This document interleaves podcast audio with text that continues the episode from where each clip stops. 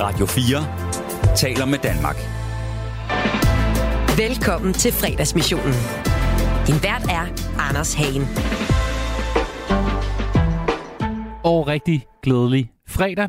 Rigtig glædelig sommer. Så er vi nemlig officielt hoppet ind i, øh, i sommerhalvåret. Øh, sommermånederne, en, øh, en årstid, hvor at øh, shortsene bliver fundet frem, solcremen, husk solcremen for pokker, solhatten, og også en god gammel kending, hverdagsdruk. Oh, lige et lille glas rosé, måske endda to, måske en stor fed fadøl. Jeg gik forbi en øh, fortorvscafé den anden dag, jeg tror det var i onsdags. Altså en onsdag morgen, klokken cirka halv ti. Og jeg ved ikke, om det var, fordi det var i København, men det, der sker, det er, at der sidder to gutter, og de bestiller simpelthen en stor fed fadøl til hver især. Det synes jeg på en eller anden måde var øh, et bevis for, at nu er sommeren over os. Det der med, at hverdagsdruk bliver så socialt accepteret, at det gør man da selvfølgelig, når klokken er halv ti, lige at, øh, lige at knappe op. Og det fejrer vi på en eller anden måde også lidt i dagens fredagsmission, fordi her der er der altså ikke noget med, at øh, vi, vi, vi, vi fordømmer det, eller har hævet øjenbryn, når, når der bliver, lige bliver knappet op. Det er det, det hele går ud på, selvfølgelig her i, i fredagsmissionen. Fordi de næste to timer, som altid, så, så samler vi jo gode anekdoter op fra de gode gamle dage. Vi får uh, rigtig god, uh, øh, godt besøg her i dagens uh, udgave af fredagsmissionen lidt senere. Så får vi besøg af måske, altså, øhm, jeg vil påstå, at hun sammen med Inger Støjberg er Danmarks ukronede rødhårede dronning. Hun er i hvert fald, hvis man har fulgt med de seneste to årtier, lidt hende, som medierne og måske også mange andre ringer til, når det handler om sex og kærlighed. Mine damer og herrer, Danmarks originale seksolog, Johan Ørting, kigger ind lidt senere i dagens udgave af fredagsmissionen. Det glæder mig helt sindssygt meget. Jeg diger også lidt. Jeg er lidt spændt på det, faktisk. Jeg, jeg, jeg, jeg, jeg, har, jeg har gjort mig så det kan du godt glæde dig til lidt senere. Altså Johan Ørting. Og så tager, starter vi faktisk dagens program med at, at tage hul på sommeren. Ikke bare det der med at knappe øh, bajer op, men også at fokusere på de helt store og vigtige emner. Nemlig, hvad bliver årets sommerhits? Det får du at vide lige om lidt i dagens udgave af fredagsmissionen. De næste to timer, der kan jeg kun love blod, sved og fri bar. Velkommen indenfor til Radio 4's fredagsbar. Det her, det er fredagsmissionen. Jeg hedder Anders Hagen. Du lytter til fredagsmissionen på Radio 4.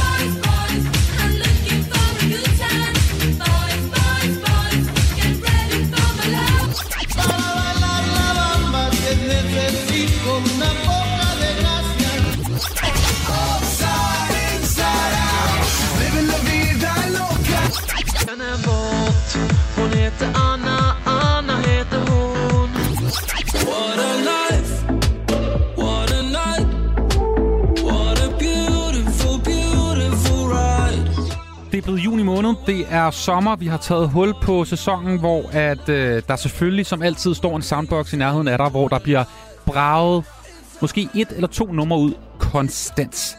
Solen står højt. Hegnene til festivalerne er væltet, og vi skal altså svare på det store spørgsmål. I hvert fald komme med et bud på det. Hvad bliver årets sommerhit? Det bliver nok ikke den her, trods alt. For det var nogle sommer siden, det må vi nok sige. Det skal vi finde ud af nu, og øh, jeg håber, at du kan blive rustet til at blære dig her, øh, måske i weekenden eller de næste par dage, med øh, et godt bud på, hvad årets sommerhit bliver, når snakken måske falder på det. Sidste år, der var der ikke nogen tvivl, hvad øh, årets sommerhit var i 2022. Der var det ham her. As it was, as it was, as it was. You know it's not the same. Harry Styles, i hvert fald ifølge Spotify, som øh, i september måned sidste år lige øh, skrev ud, at øh, det var altså Harry Styles, der, der, der bragede i højtalerne hele sommeren med As It Was. Og det føles lidt som om, at det her nummer faktisk måske bare var årets hit i 2022. Men hvad bliver det i år? Det kan jeg ikke svare på. Det ved jeg simpelthen ikke nok om. Så derfor det er det så heldigt, at jeg lige har hævet fat i dig, Fie Nærgaard, radiovært på B3 og musikjournalist. Glædelig fredag. Jamen, glædelig fredag, Anders. Hej. Hej. Øh, Jeg har lige fanget dig øh, meget sådan fredagsagtig øh, mellem øl til en fredagsbar, korrekt? Ja, altså, jeg har lige snedet mig ind i sådan en uh, telefonboks, sådan, så der skulle være nogenlunde stille. Ikke alt for meget larm i baggrunden. Men jo, vi er ved at trappe en, uh, en fredagsbar op her på P3 også. Det er stærke sager. Det er godt. Jamen, det er helt perfekt. Du er den i, i den rette ånd. Øhm, Fie, altså, du har taget tre øh, varme bud på et, et sommerhit med. Men før vi når så langt, hvad er egentlig sådan det perfekte sommerhit for dig, Fie? det er jo et, et nummer, som giver en eller anden, altså en følelse af, jeg føler sådan, altså noget fri, frisluppenhed. Altså den der følelse af, at du har sommerferie, du har ikke planlagt det helt store. Du kan ligesom bare tage dagen, som det kommer, og så se, hvad der sker, og sige ja til, hvad der nu end kommer din vej. Altså, det giver sådan en eller anden følelse af, at man netop bare sådan, man er i virkeligheden.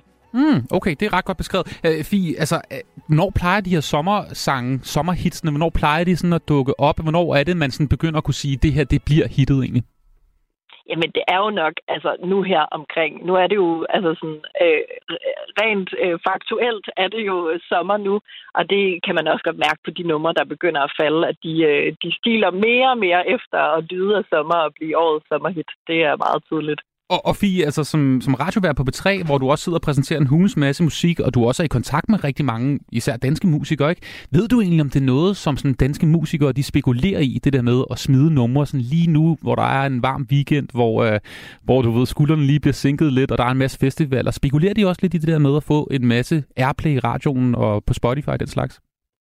Jamen helt sikkert. Altså, hvis man laver et nummer, som rammer den der stemning af sommer, så er det næsten synd at smide det ud i øh, december måned og lidt, øh, lidt, lidt spille det på det. Altså, så skal det jo ud omkring sommeren, så, kan, så det kan få det liv, det fortjener, kan man sige. Mm. Hvad, hvad, har du egentlig dit eget sådan yndlingssommerhit? Altså, jeg lavede sådan virkelig sådan en lidt, med nogle gamle numre, kavalkade her, men altså for eksempel Boden Arner er jo rigtig klassisk sommerhit. Har du selv et personligt sådan yndlingssommerhit go-to, der får dig i, i stemning? Altså, jeg tror, jeg er altid så meget i, hvad der lige landet, altså hvad der er nye numre, så jeg er sådan, for mig er sommerhittet altid sådan det seneste nummer, jeg har haft øh, kæmpe optur over, så det vil nok være noget, noget nyere i virkeligheden. Kate Tomine, en øh, producer, der hedder Kate Tonata, og en rapper, der hedder Amina, de er lige gået sammen om et fælles album, hvor der er altså kæmpe sommerstemning. Så sådan noget der, det vil helt klart være mit øh, sådan, personlige sommerhit i år. Uh, okay. Men det er ikke det, du har med. Du har nogle forskellige bud med, og det er alt sammen noget... Um, vi er vel ude i noget sådan noget urban, kan vi godt kalde det. Ikke noget, noget rap. Øh... ja, ja. Du fik lige dig selv til at lyde meget ældre, end du er det, Anders. hey, hey. Øhm, og og det, det er nogle vilde, vilde gode numre. En af dem, altså en af gutterne, du er med, ham kender vi rigtig godt, fordi han har måske også stået for altså et sommerhit, jeg føler måske har været i gang i flere år, ikke? Altså Tobias Rahim. Lad os lige høre en bid af det, som jeg, som jeg forstår, der er ret, ret nyt. Det kommer lige, øh, det kommer lige her.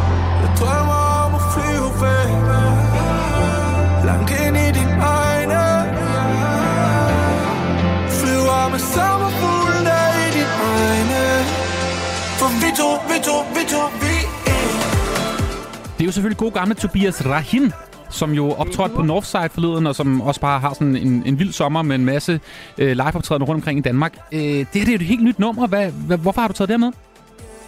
Jamen, altså, for det første, så alt Tobias Rahim rører ved lige for tiden, eller de sidste par år er det vel efterhånden, det plejer at gå meget godt. Så hvis han sender en sang ud, som altså sådan lige herop til sommeren, så kunne jeg altså næsten ikke forestille mig andet, end det går hen og bliver i hvert fald et af årets sommerhits.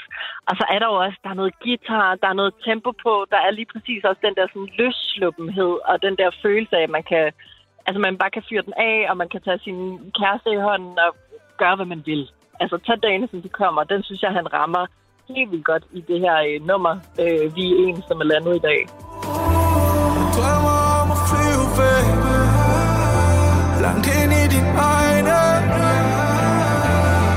Flyver med sommerfuglen der i din øjne For vi to, vi to, vi to, vi en Vi en her fra Tobias Rahim, som i også i musikvideoen cater også til publikummet, og måske også til sommeren, i og med, at han står i barkasse. Simpelthen. Han har ikke noget tøj på. Altså, Ja, men det, er- det er jo ikke noget nyt. og det, det er nok, det er der ikke noget break. Det er jo, om det er november, eller om det er juni, så har han ikke noget tøj på. Han ved, hvad der fungerer. Øh, godt, godt bud på et sommerhit, altså vi her fra Tobias Rim. Vi går videre til øh, to gutter, som øh, jeg er ikke helt klar over, om alle lytter her på, på Radio 4 kender dem. Ah, måske en af dem i hvert fald. Artie Artie, en af de sådan helt store danske navne, der sammen med Ice Kids, er du dum eller hvad, har lavet et nummer her, som, øh, som du også tror på kan blive et øh, helt stort hit, øh, sommerhit i år. Lad os lige høre, hvordan det lyder. Yo, bad girl, du så varm, jeg kunne spise dig Bryst med din røv, gør den grund som en viser Fast life, tager dig bag de kulisser Hvorfor skulle jeg lyve, det er livet uden filter. Heldig i stand, nu er det benet, som hun åbner Tror hun er forelsket, har kun kendt mig i sekunder Og hvad hører vi så her, Fie? Jamen, det er Jumetta med, ja, Ardiardit og Icekid, som du også nævnte før. Icekid, han har jo sådan rødder i noget afrobeats, noget, noget dancehall, og der er også bare noget med de genrer, som altså kalder på sol og på sommer. Og jeg føler nærmest ikke, man skal høre særlig meget af det her nummer, før man forstår, hvorfor det her det er et sommerhit. Altså, det er bare sådan, det er virkelig bare en følelse og en kæmpe, kæmpe vibe. Og jeg øh, var også lidt ude til Distortion i går, hvor jeg også synes, jeg hørte det her nummer mange forskellige steder, og folk de havde det lækkert til det, så jeg er sikker på, at det her det bliver, det bliver svært at komme udenom. I sommer, det her nummer. Følg med mig til Jumetta, Jumetta, Kom, følg med mig til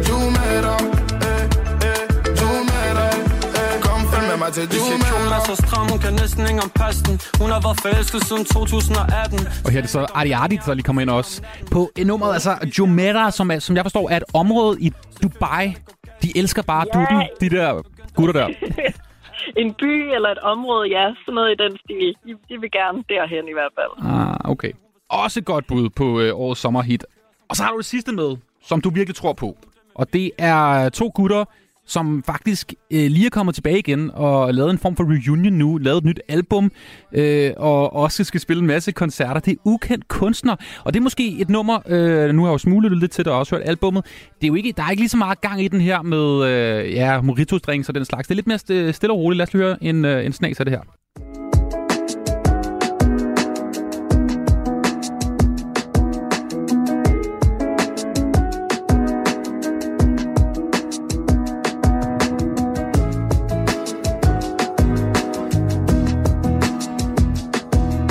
Det hedder, øh, det hedder Uden dig, øh, Fine Ergaard. Hvorfor tror du på det her som årets sommerhit? Men altså, nu nævnte du det også før. Altså, de er jo kommet tilbage efter syv års stillhed og har jo fuldstændig altså, væltet det danske internet. Folk har jo været helt op at køre over, at de endelig er tilbage. De har udgivet et helt album. Og altså, jeg tror bare, at den, den hype, som de kører på lige nu, at den kommer folk til at have det helt sygt over hele sommeren igennem.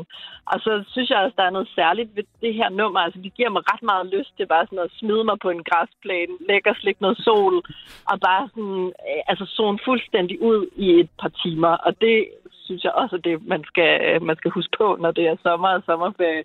Altså bare tage den lidt med ro. Jeg tror også, det her nummer, det var helt klart også blevet et hit, hvis det var kommet ud om vinteren. Nu spurgte du ind til det her før, man spekulerer lidt i sommerhits og den slags. Jeg tror ikke, det her er et nummer, hvor øh, ukendt kunstner har spekuleret i, at det skulle være et sommerhit, men jeg synes faktisk virkelig, det også rammer den her, øh, den her sådan helt afslappede, tilbagelænede stemning. Der er noget dejligt guitar. Det, det er hyggeligt.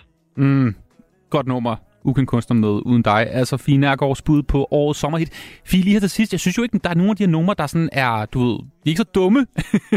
de er ikke så fjollede. Det plejer jo, altså nu af og til er der også et år, hvor der kommer et eller andet, hvor det er ja, cartoons, altså sådan noget fuldstændig åndssvagt øh, musik. Øh, tror du ikke rigtigt på det i år, eller hvad? Mm, altså, vi har i hvert fald ikke sådan lige... Altså, det er ikke landet endnu. Øh, Så det kan jo godt være, at det når at ske. Øh, Det kan jo sagtens være. Men øh, jeg ved ikke lige, om det er, det i år, det kommer til at ske. Altså, det lader til, at de her øh, danske gutter, som vi har taget med i dag, de, jeg tror, de kommer til at løbe med den. Mm. Fine Ergaards øh, dom over årets øh, bud på sommerhits, hvor altså ukendt kunstner uden dig er det varmeste. Fie, det var en fornøjelse at snakke med dig. Du må have en, øh, en dejlig weekend. Tak i lige måde. Og nu tager vi lige, selvfølgelig, Fies bud på årets sommerhits. Det her, det er ukendt kunstner med det nummer fra deres nye album. Det her, det er Uden dig.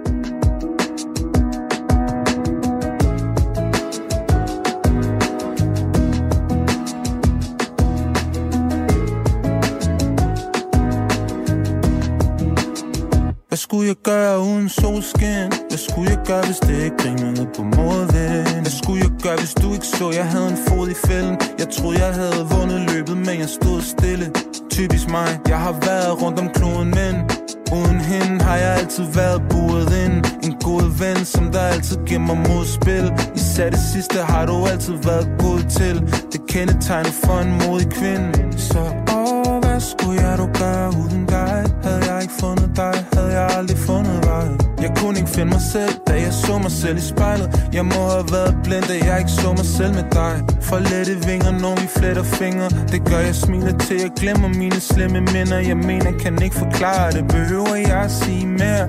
Det er for altid, ja du har mit hjerte lige her.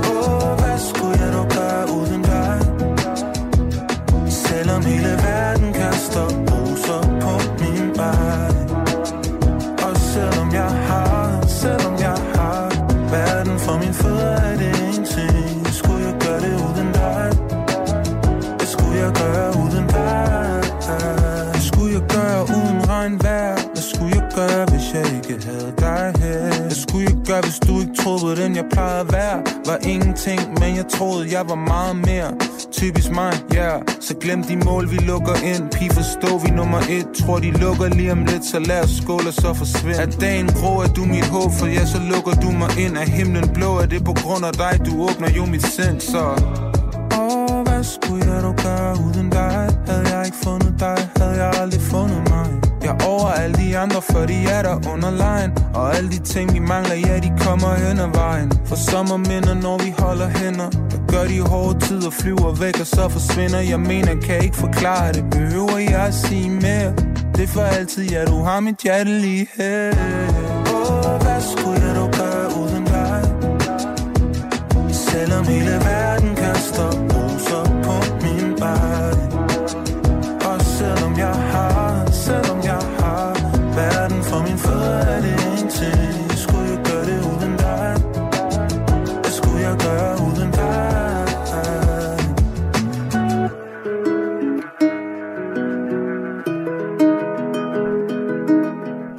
Altså et bud på årets sommersang. Det her, det er ukendt kunstner med Uden dig. Det var altså Fie Nærgaard, radiovært på B3, der kom med det her bud på en sang, som du kommer til at høre rigtig, rigtig meget til sommer.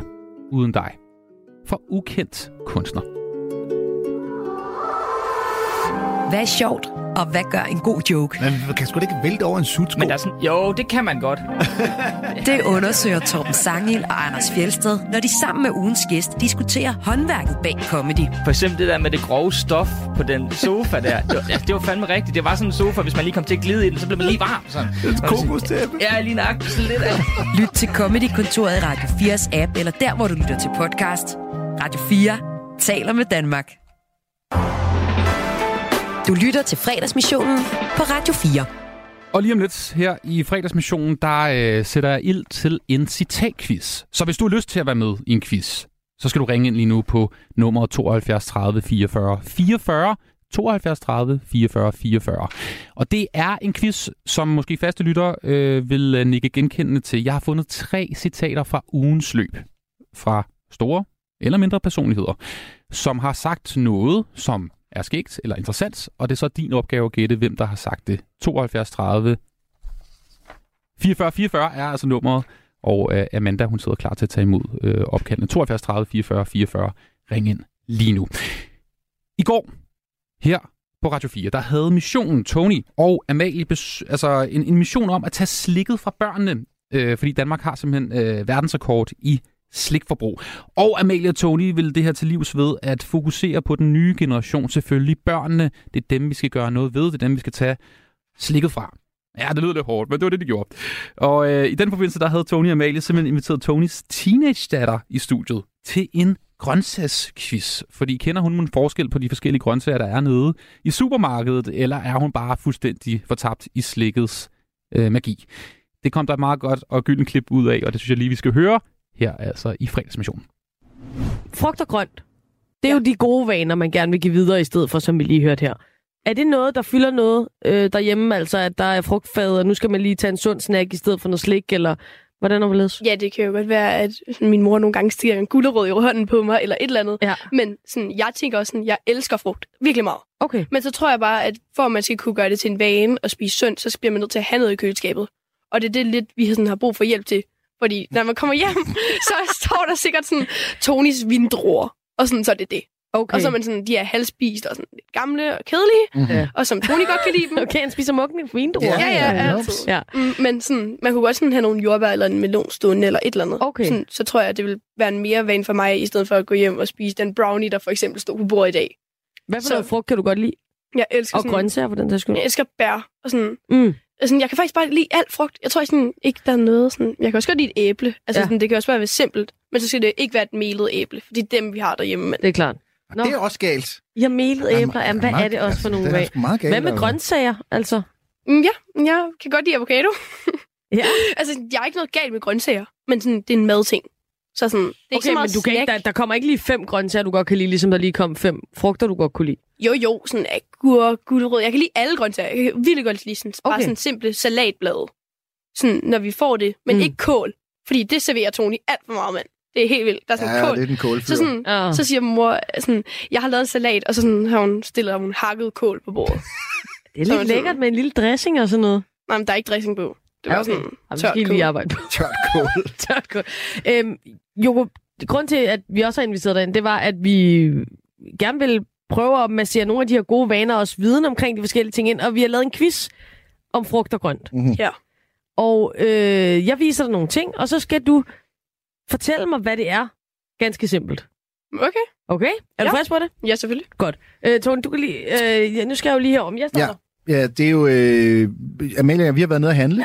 Amalie vi- vil gerne teste, hvor meget ved du egentlig? Kan du genkende? Fordi, altså... Du kan starte med at fortælle, hvad du ser her. For, hvad er det her? En gulerod. Du må gerne tage den. Hvorfor skal Nå, okay. Du kan spise den. Okay. Øhm, det er en gulerod. Den kan du. Ja. Du har et point. Okay, okay. Ja, kom nu lidt. mand. Ja, det var godt. Det er en god start. Vi starter med de blide. Øhm, Hvad har du ellers? det er en mango. Og det kom hurtigt Det er en mango. Ja. Den rører lige op. Jeg Okay. elsker mango, mand.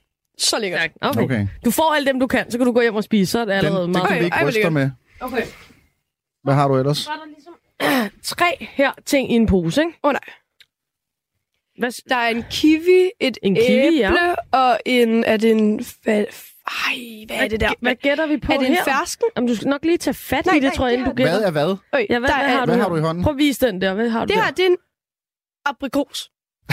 Nej, fersken, fersken. Jeg ved, det er en fersken. Og hvad har du her? Det er Øh, en det er en fersken. blomme. Og det er en blomme. Okay, det Okay, kører rigtig Og så er der en godt. kiwi. Det er var, det faktisk, stolte far derovre? det var faktisk rigtigt. Okay. Altså, jeg kan jo godt lide frugt, det er jo ikke det. Nej, nej. Nu Okay. kommer nogle grøntsager. Åh, Hvad har vi her? Ej. Porre, den sidder altså lige i skabet. Det var hurtigt jo. Ja, det synes jeg altså er rigtig Ja, ja. stærkt. Godt, hvad vi har lavet til sig. fra lavt niveau. Nu kommer der en af de svære. Kommer ind i nej. det svære. Kommer det svære. Ananas. Ah, okay, Ej, okay, det var nemt. Den er nem, den er nem, den er nem. Okay. Øhm, det er da simpelthen, jeg troede... Det er Ej, nu- spidskål. Jamen, jeg sagde jo, at jeg serverede meget kål. Altså, sådan, vi får ikke andet end kål derhjemme. Så sådan, jeg kan alle kålarter, mand. Det er voldsomt. Okay. Så nu, kom ind, i- nu kommer der de svære. Okay, nu nu prøver er jeg kun så... de svære Hvad tilbage. har vi her så? Ej, det ved jeg da ikke, mand. Åh, hvad hedder det? Oh, Kan du genkende den? Jeg sådan, føler, jeg har set den før, men hvorfor har de hakket de der blade af? Ja. Hakket blade. Spiser I sådan noget her derhjemme? Åh, oh, hvad, nej. hvad er det nu, det hedder? Ej, det ved jeg faktisk ikke. Hvordan Prøv at beskrive, ud? hvordan den ser ud, ja. Hvad, hvad ser Den er du? sådan... Så lidt hvid. Altså, det ligner lidt en porre, bare sådan i en rund version. Og så sådan, har de bare hakket stilkene af. Ja. Og hvad ser du heroppe på toppen? Sådan, øh, sådan, sådan blade. sådan, sådan buskeblade. Buskeblade, Buskeblade, ja. Ja, hvad er det? Den har du ikke? Nej, den har jeg sgu ikke lige. Ja, det er jo en fennikel. Fennikel. Er det noget, der hedder det? God gammel. Nå jo, det er det, der smager lidt... Hvad smager det lidt af? Ja, det smager lidt af sådan en blanding. Det, er sådan, det smager lidt af en rodfrugt, gør det ikke? Mm, Det smager jo- det ved jeg ikke, om jeg Har lidt Ja, det har lidt en, en Ja, smag. præcis. Det er det, jeg mener. Ja.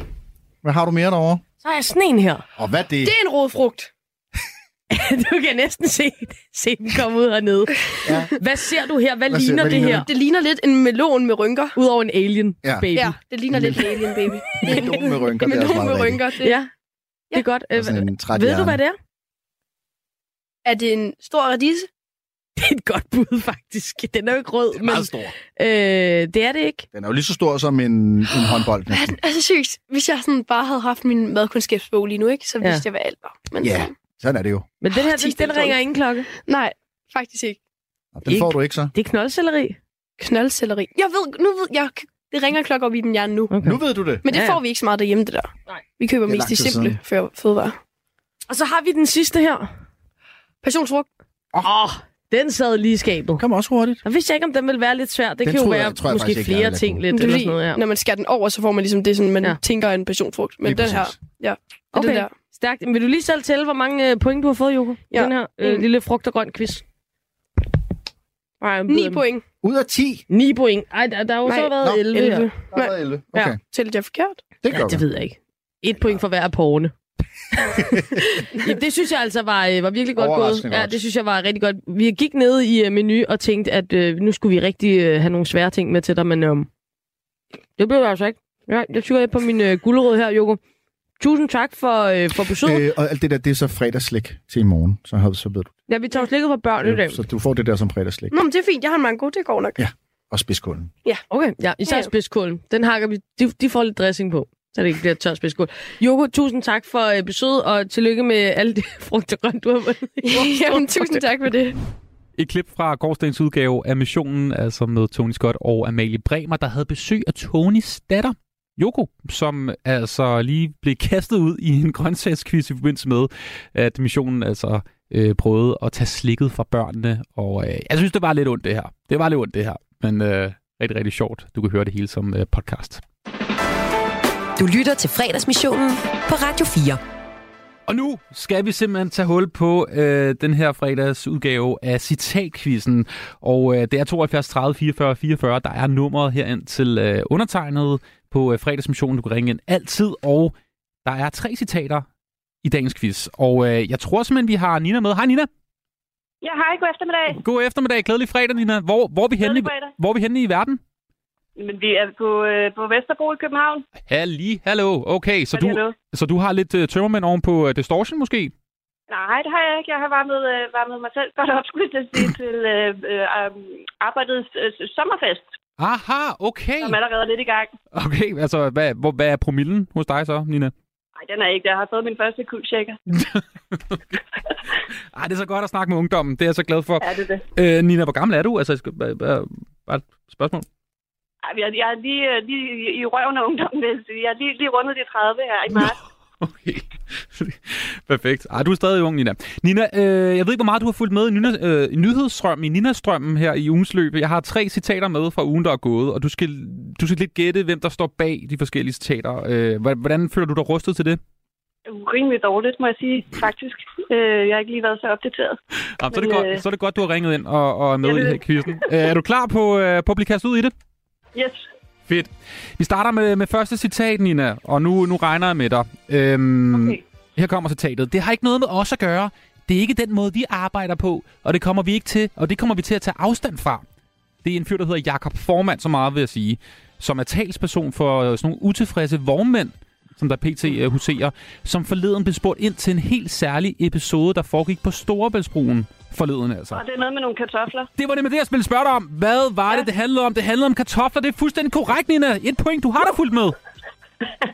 Det er fedt. I den der uh, kuldsjekkerbrætter, der har du da alligevel lige kigget lidt med. Det er da fantastisk. Godt gået. Det er rigtigt. Hvad- det er rigtigt. Tak du have. Hvad tænker du om det, Nina, det der med at hælde kartofler ud på Storebæltsbroen, for ligesom at statuere et eksempel?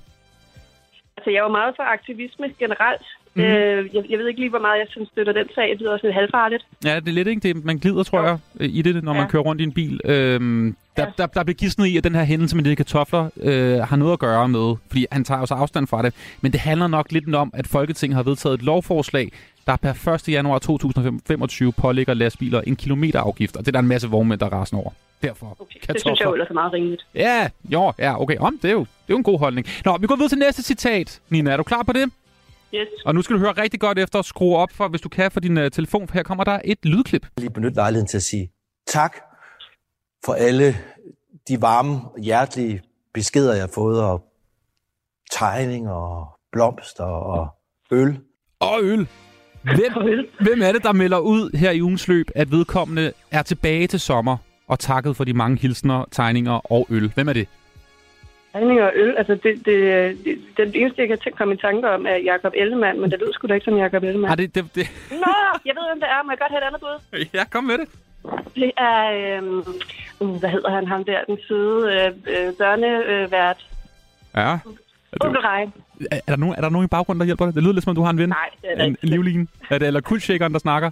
Overhovedet ikke. Det er kun sikkert. Det var bare lige... Det er selvfølgelig onkel Rej, Ja, som det var i onkel ugens Rej. løb altså ødelagde internettet med en video, hvor han først har onkel Rej kostyme på, tager det af Og så er altså Mads Gertsen, som er det onkel Rej hedder, når han er privat, og fortæller, at han er sindssygt glad for alle de mange hilsner ovenpå. Har han fået sendt øl, eller hvad? han har åbenbart fået sendt øl. Jeg ved ikke, hvem, om det er børn, der sender ham øl, eller hvad? Nej, god stil. Ja, det var ret, fed stil. Uh, han er altså tilbage til, uh, til sommer og kommer ud og underholder. Så han, han har der heldigvis rigtig, rigtig godt. Det kører da meget godt, Nina. To ud af tre rigtige. Du har allerede Sådan, vundet. Men vi tager den sidste for at blære os. Er du klar på det? Okay. Øh, øh, okay. 400.000 danskere er enten direkte eller indirekte ofre for alkoholisme. Alligevel er det her på Twitter en af de mest udbredte påstande at sprede om folk, man er uenig med, at vedkommende må være fuld. Det er alligevel ret tankevækkende. Hvilken partileder fra det danske folketing skrev det her på Twitter? Nina? Kommer der et citat? Nå, det var citatet. det var citatet. Uha. Ja, altså han Ja. siger, ja, og, og, eller vedkommende siger, at 400.000 danskere enten direkte eller indirekte er ofre for alkoholisme. Alligevel er det her på Twitter en af de mest udbredte påstande at sprede om folk, man er uenig med, at vedkommende må være fuld. Det er alligevel ret tankevækkende, skriver han i et tweet. Øh, og det er jo et ret langt tweet jo, men det kun formår at komme, ligesom, komme af med. Uha. Folk tror, han har været stiv på Twitter. Nå, okay. Er han folketingsmedlem? Ja, han er partileder. Han er partileder. Er det Morten Messerschmidt? Det er der selvfølgelig, Morten Messerschmidt. Sådan, Nina. 3 ud af 3. Ej, ej, hvor er det godt gået, Nina. Det havde jeg slet ikke, jeg havde, jeg havde slet ikke forventet det, at du startede med at sige, at du, var, at du har slet ikke fulgt med, men du har da fulgt med. Ah, men altså, hold kæft, hat Det, det kører. Det bliver en god weekend, Nina. Hvad, hvordan skal det fejres? Jamen, som, som jeg sagde før, så holder vi jo sommerfest her på mit arbejde. Mm. Så vi, skal, vi har en lang, øh, lang, lang aften, dag aften foran os, rundt i det københavnske. Rundt i det københavnske. Og Nina, lige her på øh, falderæbet, øhm, du vinder jo selvfølgelig æren her i fredagsmissionen, men er der et nummer, du gerne vil høre i forbindelse med, du ligesom har vundet? Du vinder et, en sang simpelthen. Ja, vi kunne godt tænke, at vi, vi kører øh, danske eller turister i Danmark øh, tema her til, til sommerfesten, så det kunne være fedt, hvis du kunne sætte øh, Costa del Sol på. på. Ej, hvor godt. Den får du selvfølgelig. Selvfølgelig gør du det. Fantastisk. Nina, du må have en uh, fremragende weekend, ikke? Tak skal du have i lige måde. Hey.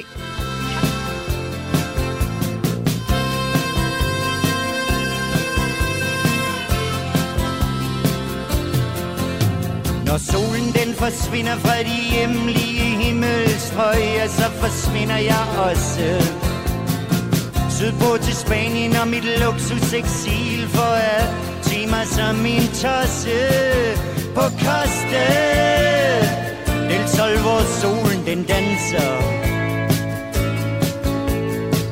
En inciterende flamingo i min swimming pool. Har keep cool altid været mit motto. Mit navn er Günther, men folk hernede kalder mig Otto. Så snart jeg så det hele gå af helvede til, var jeg pist væk over samtlige bjerge. Og dankderer den nu flittigt i dansker koloni med pension hjemmefra i reserve på Koste. del Sol, hvor solen den danser. En inciterende flamingo i min swimming pool. Har keep cool mit motto. Mit navn er Günther, men folk hernede kalder mig Otto. For øjeblikket har vi det herligt her på Costa del Sol i vort nynazistiske og asociale sammenhold. Men den dag røde russerne kommer, og de er de jo nok igen, har jeg solgt min hacienda og købt en ny i Kalifornien.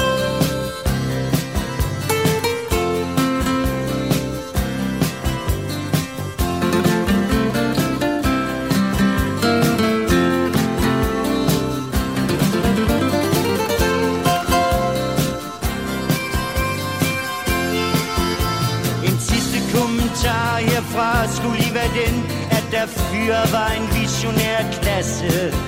Der så frem den var til stede den dag i dag Ville lade fat i røv og skvader ud af gasse På koste Del sol, hvor solen den danser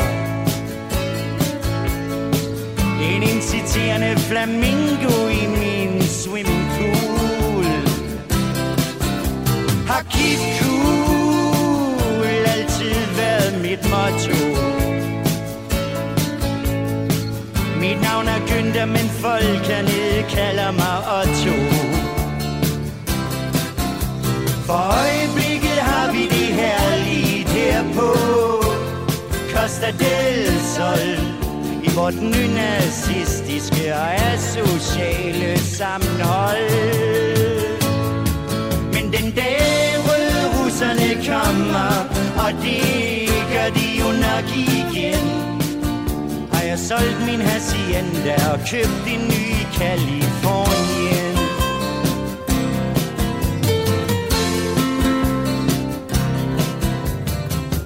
God gamle, selvfølgelig C.V. Jørgensen her med et rigtigt sommerhit. Costa del Sol her i fredagsmissionen på Radio 4. Du lytter til fredagsmissionen på Radio 4. Knud Melgaard, Trans Europa-magasinet. Og fra Costa del Sol, der skal vi til, tror jeg, Nørrebro i København. Det er i hvert fald det, du plejer at være, Knud Melgaard. Velkommen til fredagsmissionen.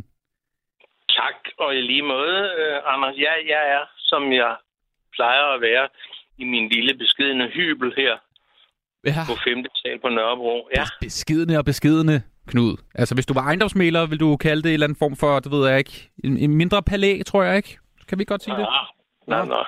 Men jeg sidder også her ved, ved, ved resterne af et veldækket bord sammen med to øh, kapaciteter, som jeg ikke skal nævne navn på, men vi havde først regnet med, at du ringede om, om en time, og nu er vi lige blevet færdige med den gamle ost og fedt og sky og et fortrinligt glas Tawny Port. Ej, hvor lækkert. Så nu, er jeg, så nu er jeg klar til at svare. Hvad med den søde Joran? Har du stadigvæk hende hos dig? Yes, hun, kom, ah, hun kommer først her om øh, 20 minutters tid, fredagsgæsten, så hun kommer.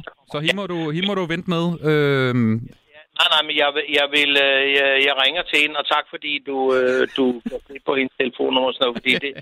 det selv, ja.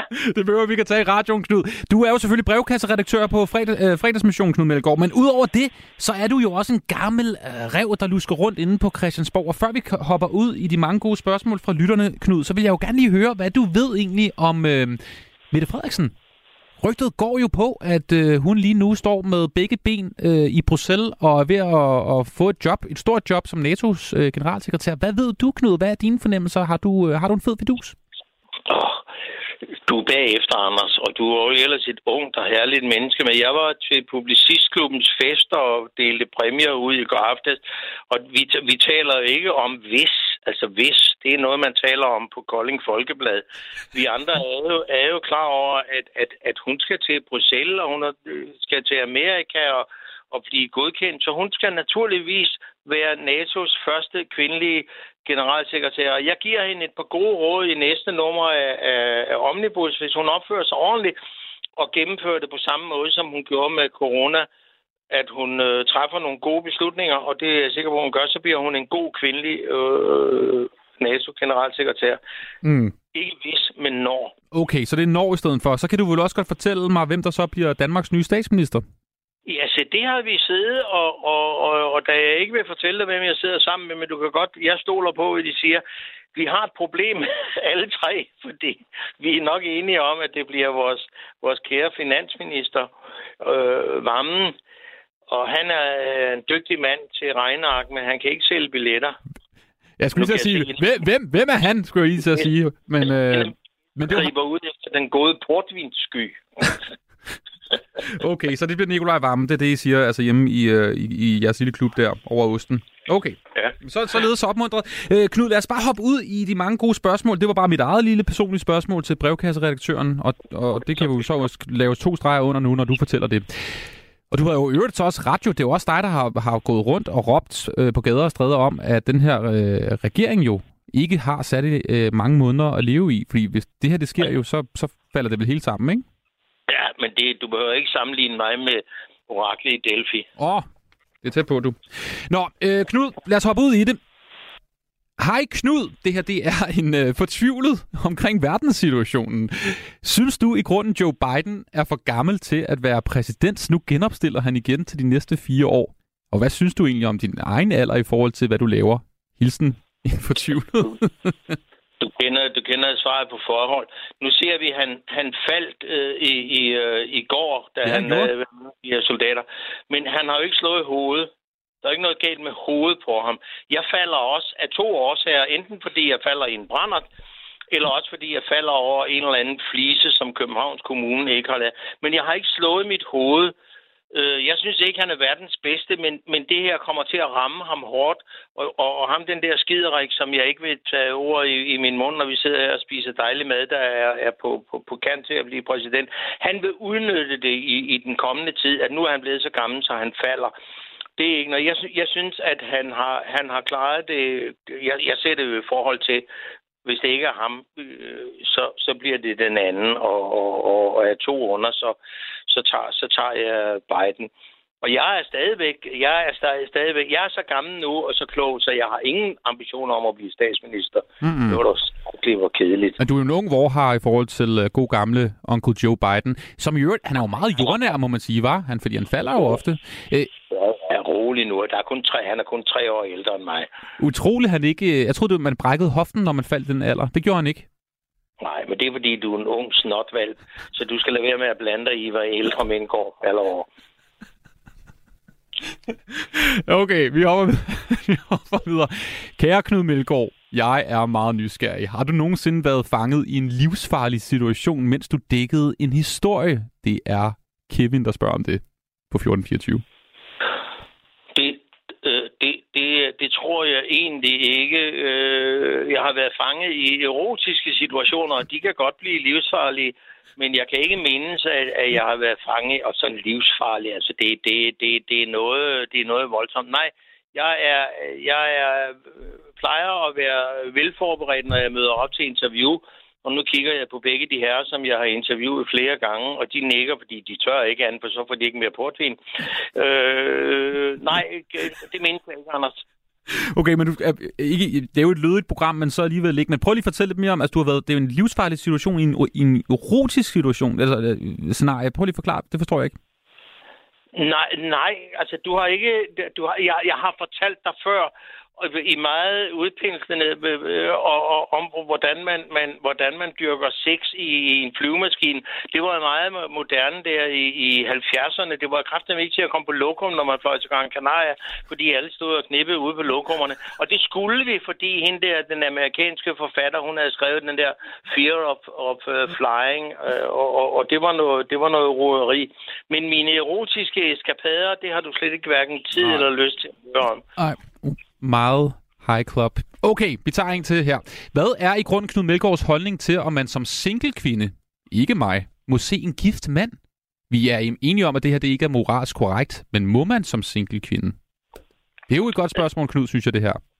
Nej, det, det spørgsmålet, er, spørgsmålet er kedeligt, fordi øh, af den simple grund, at jeg har ikke nogen moral overhovedet, når det kommer til sex. Og hvis hun har lyst til at se en mand, om han er folkepensionist, eller, eller som nu var jeg sammen med Cecilia Bæk i går, og Nå. havde den store glæde og, og, og kysse hende. Vi var til, til publicistklubben, og vi er altid pænt, når vi ser hinanden. Og hende har jeg jo interviewet om hendes forhold til 16-årige, og det har hun det fint med.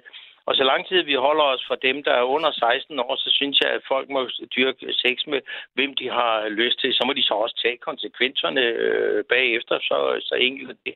Så hun må gerne have et forhold til en mand, der er gift. Mig, nej, nej, nu er jeg jo ikke gift, men øh, hvis jeg kan se et billede af hende, så... Øh, Jeg kan, jeg kan, det kan jeg prøve øh, at skaffe til dig, Knud. Men øh, okay, men du synes ikke, at der er jo så mange andre fisk i dammen. Hvorfor dog gå efter den øh, gifte fisk? Det er det, jeg ikke helt forstår, hvorfor man skal gøre det. Jeg har få principper, og jeg er ikke meget for at skal rundkaste dem nu, for så kunne man tro, at jeg var moralsk. Jeg rører aldrig ved gifte mænds kvinder. Det, det, det, øh, det gør jeg. Det er et af de få moralske principper, jeg har. Fordi det, det, bærer, det, bærer ikke noget, det bærer ikke noget godt med sig. Men det er ikke ens betydende med, at jeg fordømmer andre mænd, som, som gør det, eller, eller dem, de kvinder, som de eventuelt har sex med. Jeg, jeg siger ligesom som Søren, øh, som Søren øh, hjælp mig lige, hvad det han hedder. Øh, Brostrøm? fra, øh, hvad? Søren Brustrøm. Sex er godt, Ja, sex er sundt. Brostrøm. Søren Brostrøm, jeg, jeg, jeg øh, sagde pænt goddag til ham her for nylig. I, i, i, i, vi kører nogle gange i metro sammen. Og, og, og den udtalelse, han kom med øh, for, for lang tid siden med, at sex er sundt, og Sundhedsstyrelsen anbefaler sex, det går jeg også ind for. Og han, han var ikke nede og pinpointe det med, at det absolut skulle være mellem mænd eller mellem kvinder alene, eller det ene eller andet. Han udtalte sig bare generelt. Sex er godt, og lad os få noget mere af det. Men bare ikke nu, hvor jeg lige har spist gammel ost, så vil jeg helst ikke. det skal man holde sig fra. Det tror jeg også, det tror jeg også Søren Brostrøm, han fraråder. Vi tager lige et til, og vi er så lidt i øst og vest, Knud, men du kan svare på det hele, også efter, især efter et par glas øh, god portvin. Hvad synes du om mænd, der tager lykretøj på og investerer i en dyr cykel, i stedet for at være sammen med sin familie og børn, og tager ud på landevejen og drøner rundt og leger Tour de France. Hvad synes du i grunden om det, Knud Melgaard? Er der en, der spørger her på 1424? Nu, nu, nu ved jeg ikke, hvad lykratøj er, men jeg har en fornemmelse af, at det er noget, som min skrædder ikke ville anbefale mig at, at gå i. Og mine børn har forbudt mig at køre cykel på Nørrebro, fordi jeg er ældre og alt for ofte øh, beruset. Jeg er ikke, jeg er ikke i, i, øh, i, i. Jeg synes kraftedme, det lyder kedeligt at køre rundt i sådan noget stramt, svedigt øh, tøj, og så sidde på en cykel gå dog ud og, og, og drikke en tøj. Tænk på det dejlige ved at gå en tur i Nyhavn. Der er masser af kønne piger i øjeblikket. Og så lade være med alt det der cykleri. Ude på landevejen. Ude, ude på landevejen med dem. Knud, det var, hvad vi kunne nå øh, i dagens udgave af brevkassen. Øh, hvad, hvad skal der ske med selskabet senere? Er I typerne, der, der ligger til at sove nu? Eller hvor, hvor ender den her øh, portvins-ostefest? Må jeg være fri? Nej, nej, på et eller andet tidspunkt går vi, går vi øh, hver til sit. Det, vi er jo pæne og, og, og ordentlige mennesker, og så... Øh, Ja, eller de to af dem. Det er så ikke mig, der er pæn og ordentlig, men de to her er pæne og ordentlig. Nej, nej, det, det, så bliver det bare almindelig kedeligt igen, og jeg sidder og er ved at skrive en, en, en rystende artikel om, om, krigen, om krigen i Ukraine. Det bliver så nok ikke i dag, jeg fortsætter den, men uh, sådan er det. det tror jeg. jeg tror, man skal holde sig fra at skrive noget, når man har, har drukket. Bare se Morten Messerschmidt på uh, Twitter, ikke? Øhm... Ikke så det ved du udmærket godt. Ja, ja, det er godt. Det var Knud Melgaard, det var øh, som altid øh, opløftende at snakke med dig. Du må have en, en dejlig weekend, som består af, fornemmer jeg, artikler og arbejde. Det er det eneste, det står på, eller hvad, Knud? Mm, der bliver måske også et lille besøg ved Mindeankeret og det, der ligger længere nede. Okay, okay. Hvad, hvad sker der ved Mindeankeret? Ja, det er begyndelsen af Nyhavn, din snotvalg. Altså, det, du må se at blive voksen, Anders. Jeg ved da godt, hvad mindeankeret er. Det er jo et anker for alle de faldende danske soldater i allieret tjeneste under, ude på havet. Så kommer man ned i Nyhavn, og der er meget rart. Okay, bevares. Jeg vil ikke høre ja. mere, Knud. Ha' det godt. I lige måde. Hej. Knud Melgaard, Trans Europa Magasinet. Du lytter til fredagsmissionen på Radio 4. Således opmuntret Knud Melgaard, altså brevkasseredaktør her på øh, foretagendet, der hedder Fredagsmissionen. Husk, du altid kan sende dine spørgsmål ind til øh, Knud. Jeg samler det hele til bunke. Bare roligt, det er 1424. Du kan øh, skrive ind til øh, brevkassen, hvor Knud Melgaard altid kommer med sit øh, øh, både edrolige og alkoholiserede bud på, hvordan du skal løse den konflikt, du nu engang står i. Han kan også svare på alt muligt andet. Det er hver eneste fredag her i, i fredagsmissionen.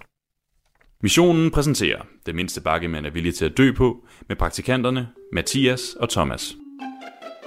Hej Thomas. Hej Mathias. Hvilken bakke er du villig til at dø på i dag? Jo, nu skal du høre Mathias, det begynder jo at blive forår. Det gør det. Ja, det er dejligt. Det synes jeg. Solen skinner, det er skønt. Men så er der nogle små, øh, hvad hedder det, øh, nider, i mangel på bedre øh, ord, som kommer ud øh, af deres øh, forældres kældre og begynder at bruge øh, virkelig nedladende ord om det her dejlige vejr, vi er i gang med at opleve. Og det er folk, der bruger ordet solstress. I solstress? Ja. Det synes jeg faktisk er en ret valid ting. Hvad? Solstress. Sol, altså, at du...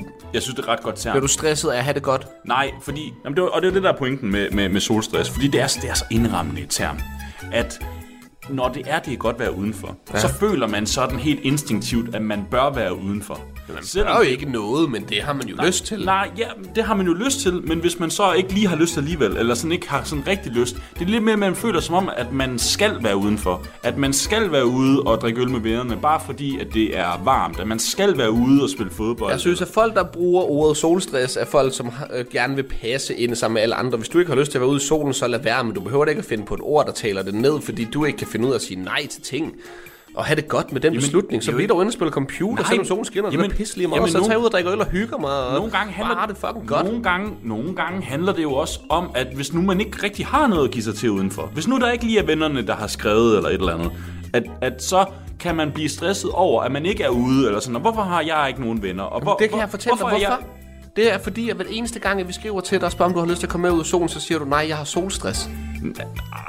Altså, ikke hver gang. Det- jeg, jeg siger det ikke hver gang. Du har i hvert fald sagt det et par gange. Nej, men jeg bruger det jo aldrig som en undskyldning. Det, jeg er jo altid stresset over, at jeg ikke laver noget ude i solen.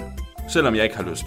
Er det det, er det, det solstress Det er det, er, solstress er. Det er, man er stresset over, at man ikke er ude i solen. Men kan du godt lide solen, eller hvad? Nå, det, du ved jeg godt. Jeg synes jo, det er åndssvagt som en dag som i dag. Ja. Hvor solen skinner, det er dejligt. Vi sidder herinde i sådan noget mørkt, ulækkert rum. Nej, ikke ulækkert. Ej, du lige hold op. et mørkt rum. Og så, og så er, er der, det er 20 grader udenfor. Det er jo ikke, Solen skinner. Det er jo ikke, det er jo ikke partout mørkt. Altså, det er jo, Jamen, vi, har, jo, vi, har, vi la- da- vi har lamper tændt. Vi kan da lige... Jeg, jeg, jeg ruller lige for her. Nej, vil du, lad lige være med det. Lad, stop med det. S- Thomas? Thomas? Tom, Tom, Thomas? Thomas? Du har lyttet til Den mindste bakke, man er villig til at dø på, med Thomas og Mathias. Du lytter til fredagsmissionen på Radio 4. Og sidste fredag her i fredagsmissionen, der havde vi jo rykket studiet til Padborg til øh, en af de første festivaler i den her festivalsæson, som der ligesom bliver sat ild til, bogstaveligt talt, nemlig Danmarks hurtigste bil. Et øh, arrangement, hvor at øh, knap 10.000 mennesker samler sig på en, øh, landingsbane og en racerbane, der ligger lige op og ned i en anden Padborg Park, og simpelthen har slæbt deres øh, biler med selvfølgelig, men også sådan nogle hjemmebyggede køretøjer, som eksempelvis en Chesterfield-sofa med hjul på, hvor der også var en lille hjælpemotor, eller en sejlbåd med hjul på og en motor, som man altså kunne drøne rundt på. Det var et ret vildt arrangement, øh, og jeg må indrømme, at det, det, det, det var noget af kulturschok for undertegnet. Et, et, et helt genialt, altså helt genialt eftermiddag i selskab med de meget, meget søde og dejlige mennesker på, øh, på Danmarks hurtigste bil. Vi sendte som sagt fredagsmissionen dernede fra, hvor vi... Øh, vi stod lige ude foran brænderpladsen og kunne opleve øh, bikiniklædte damer vaske biler. Ja, det var et af arrangementerne, og derudover også bare tale med en, øh, en hulens meget, meget øh, motorglade mennesker, som, som de sagde, citat, havde benzin i blodet og brugte rigtig, rigtig meget tid på at nørkle på deres biler, deres køretøjer, og så selvfølgelig også nogle af de øh, kører, der var med i den konkurrenceprægede del af Danmarks hurtigste bil. Det er jo en festival, men altså også en konkurrence, fordi om lørdagen og søndagen, altså i weekenden, der var der altså øh, konkurrence både på det her 201 meter, som er en slags drag race, to biler, der kører mod hinanden, og så var der også det, der hedder drift, hvor det handlede om biler, der skulle øh, ligesom kunne drifte med deres bremser og skabe en masse røg. Det var en konkurrence.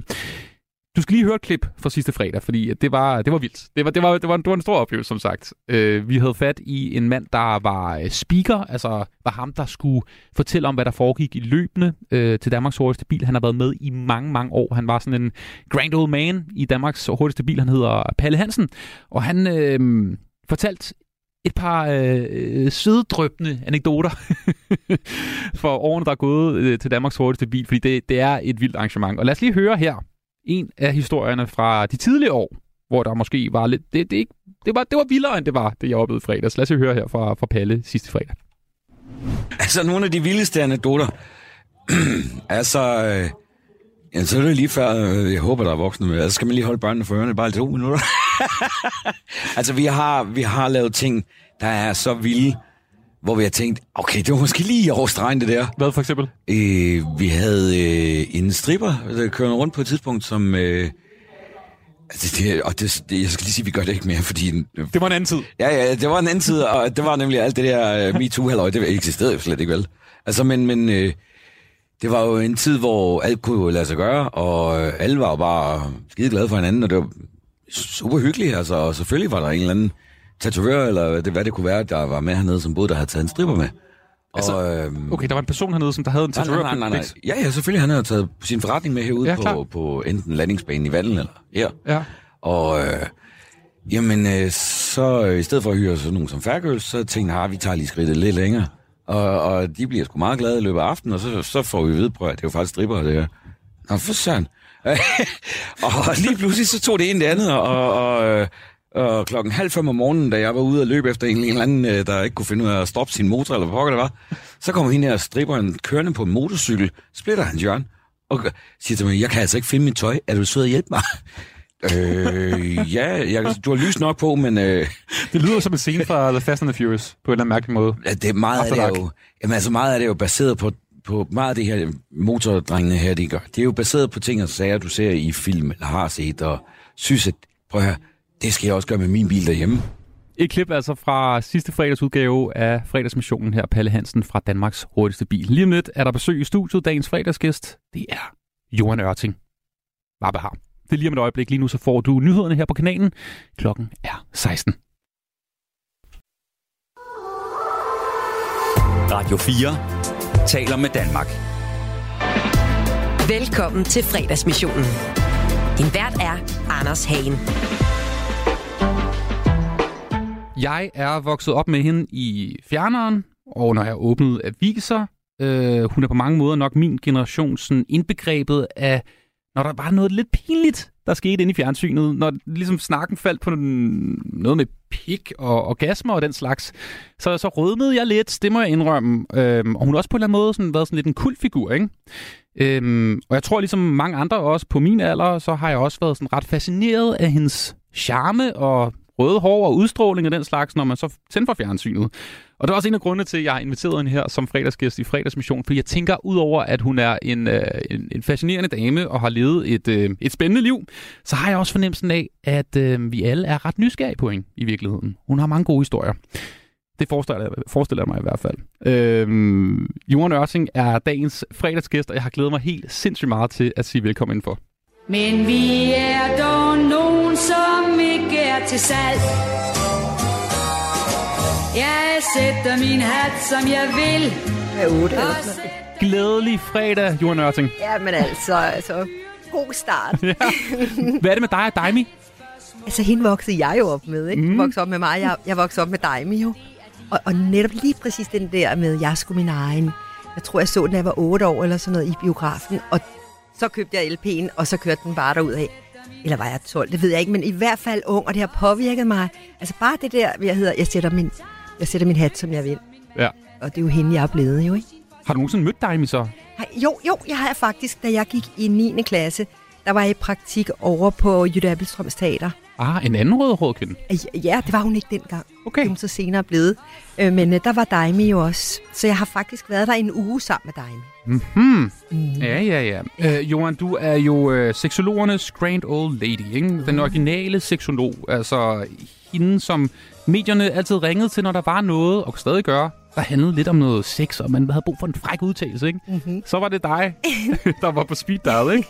øhm, jeg, har glædet mig helt vildt meget til at snakke med dig i dag. Og husk også, hvis du sidder med gode spørgsmål til øh, Johan, så kan du altså også bare melde, melde ind på 1424 sms'en her i dagens udgave af fredagsmissionen. Johan, øh, jeg er også lidt nysgerrig på, hvordan din fredagsstemning er. Er den heroppe? Skal bunde? Jeg kan, jeg kan godt klare den. Du kan godt. Ja, bunder, vi bunder. Altså i bundehumør, eller er du mere her? Ja, det provokerer mig. Det provokerer mig så meget. Hvor er du henne, Johan Ørting? jeg tror, jeg er bunde. Øh, Jeg er over i bunderen. Du er bunderen? Ja, det er fredag. Ja. Ikke også? Jeg plejer at have fredagsbar jo. Men det har jeg ikke så ikke lige den her fredag. Det havde jeg sidste fredag. Men øh, der er altid noget med fredag, er det ikke? De føles bare godt. Mm, kunne du mærke, altså, kan du mærke i kroppen, når det bliver sådan fredag eftermiddag, du føler sådan lidt frihed, eller? Jeg går på arbejdet i, øh, om fredag, lørdag og søndag. Jeg er jo en, en weekendarbejder. Ah. Men der, går, der tager jeg så fra landet. Jeg bor på Langeland, det stille land. Og så ind til Storbyen, hvor jeg kommer fra jo. Så det er jo ikke kedeligt at tage den her vej. Mm. Og jeg kan også godt lide søndag sen eftermiddag, når jeg er færdig, og så tage den anden vej tilbage til Langeland, hvor der bare er sådan uh, helt stille og dejligt, og en skøn gammel have, og, og sådan. Men begge veje er dejlige, og det er jo godt at være i København, synes jeg, i weekenderne. Ja, det er ligesom om, at øh, byen lige åbner lidt, og det hele bliver lidt mere nedrullet måske, og nedknappet. Jamen, det er en perfekte måde at leve på egentlig, ikke? Altså arbejde øh, om, om dagen i weekenden, og så man kan gå i byen, man kan gøre hvad som helst, se venner og, og have det sjovt der, ikke? Mm. Så hold fri hverdagene. De der fredagsbarer til gengæld Ja. på dit sted, dem har jeg jo hørt nogle rygter om, at de skulle være øh, meget festlige. Og det kan vi jo godt lide her i fredagsbaren. Ja, nemlig. Er det noget med, at du måske endda også har mødt kærester og den slags? Ja, ja, ej, hvor er det sjovt, du hørte det. Jeg mødte min kæreste på fredagsbar, så derfor kan jeg så varmt anbefale, at man kommer til fredagsbar og lige kigger ind, hvis man har en lille nysgerrig næse for, for, alt, for alle de her emner, ikke? En, omkring seksualitet og parforhold og sådan noget. Altså, min fordom er jo så, er det sådan noget med, at folk smider tøjet, og der er øh, knaller ud over det hele, der er et bollerum og sådan noget. Er det sådan, det er? Nej, det er ikke sådan. Det er sådan, at døren åbnes kl. 18, og så er der nogle billige drinks, store drinks, noget, der virker, ikke også? Og festligt, og, og det der, at det er nogle dejlige mennesker, fordi det er seksologstuderende og altså, terapeutstuderende, der er der, de åbner og interesserede i os i andre, og har lært jo at stille spørgsmål, så man er jo ikke sådan nok i sig selv, man er jo sådan interesseret og nysgerrig. Og så er der et oplæg hver gang, at, at øh, det kan være mig, der er på med et eller andet tema, eller det kan være en gæst eller en stand-upper, der laver noget. Og så er der DJ, Og dans. og han er også seksolog, ham DJ'en der, ikke? Sådan. Ja, og så er der dans og gang i den til kl. 11. Og det er altså Villa Vilder, som der er dit øh, sted, kan man sige. Ja, mit hus på Christianshavn. Yes, som har, øh, har været de der ligesom arbejdsudgangspunkt i mange, mange år Ja, efterhånden. Ikke? jo. Hey, øh, Johan, tilbage i 2010, der ja. slog du Margrethe Vestager, Annette Haik, Lisa Lenz og Lotte Heise og fik flest penge ind til sådan en velgørenhedsmiddag, hvor bejlere kunne byde hinanden op. Mm. Der var du den dyreste, ikke? Og det virker lidt som et mønster, det her, fordi du i et interview også med Alt for Damerne for et par år siden har sagt, at da du voksede op øh, i Gladsaxe, øh. I Søborg, Gladsaxe Kommune i hvert fald, ikke? Jo. der øh, var drengene helt vilde med dig. Øh, de sendte mig kærestebreve og gav mig ringe. Jeg var populær. Det med mænd har altid været lidt for mig, og var lidt for mig allerede dengang. Mm. Har du været sådan jagtet lige siden du var du gik i puberteten af mænd, eller hvad? Jamen, og nyt det. altså sådan, jeg boede i en gård øh, med mange drenge. Vi var ikke så mange piger i den gård der. Naboerne havde åbenbart flest drenge. Så jeg lærte meget af det der med drenge. Og så tror jeg bare, at øh, jeg har sådan været lidt glad, eller sådan, sådan let, det er let for drenge, og det er let for mænd, når kvinder er glade. Ikke også? Det er en, det er en let indgang. Mm. Og på en eller anden måde, selvfølgelig har jeg ikke været glad hele mit liv. Jeg er jo terapeut, og det er der jo en grund til, at jeg er. Det er jo fordi, man, hvorfor lave personlig udvikling, hvis ikke man har været i en krise? Det er jo der, man starter, når man får sin første krise. Og, jeg, og det er ikke, fordi jeg ikke har haft masser af kriser. Men jeg har alligevel også en livsglæde, tror jeg. Og jeg tror, det er den livsglæde, der smitter lidt på mænd. Mm. Mænd, mænd har jo lidt det der, der hedder, eller mænd tror, at de skal gøre kvinder glade.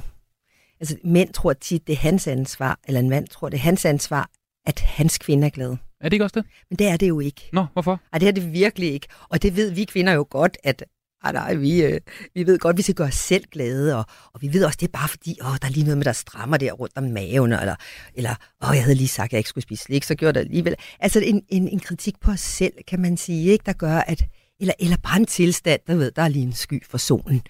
Så er vi ikke lige lidt glade der. Og så tænker han, åh, hvad er der galt, hvordan skal jeg gøre, hvordan skal jeg få en glad? Og det skal han slet ikke beskæftige sig med.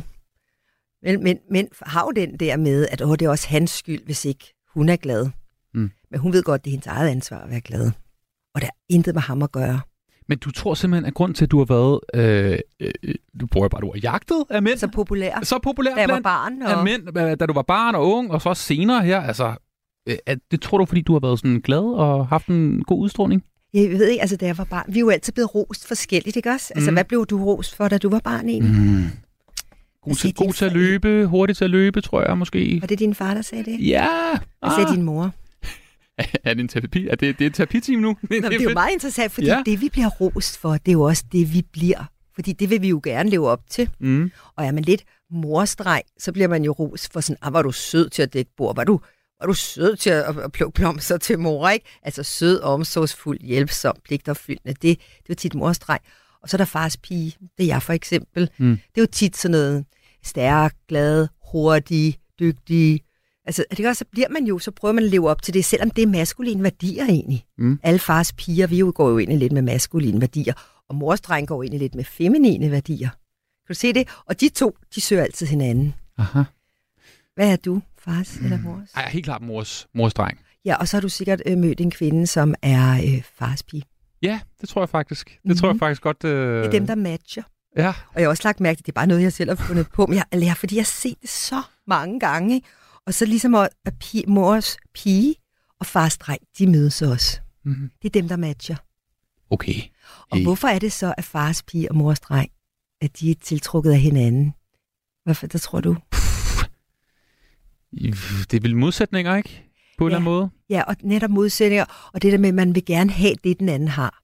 Altså, han vil jo gerne have alle de der maskuline ting, og blive rost for at være stærk og dygtig og hurtig, og, ikke også? Og hun vil jo egentlig i virkeligheden gerne være omsorgsfuld og sød og hjælpsom og pligterfyldende, ikke?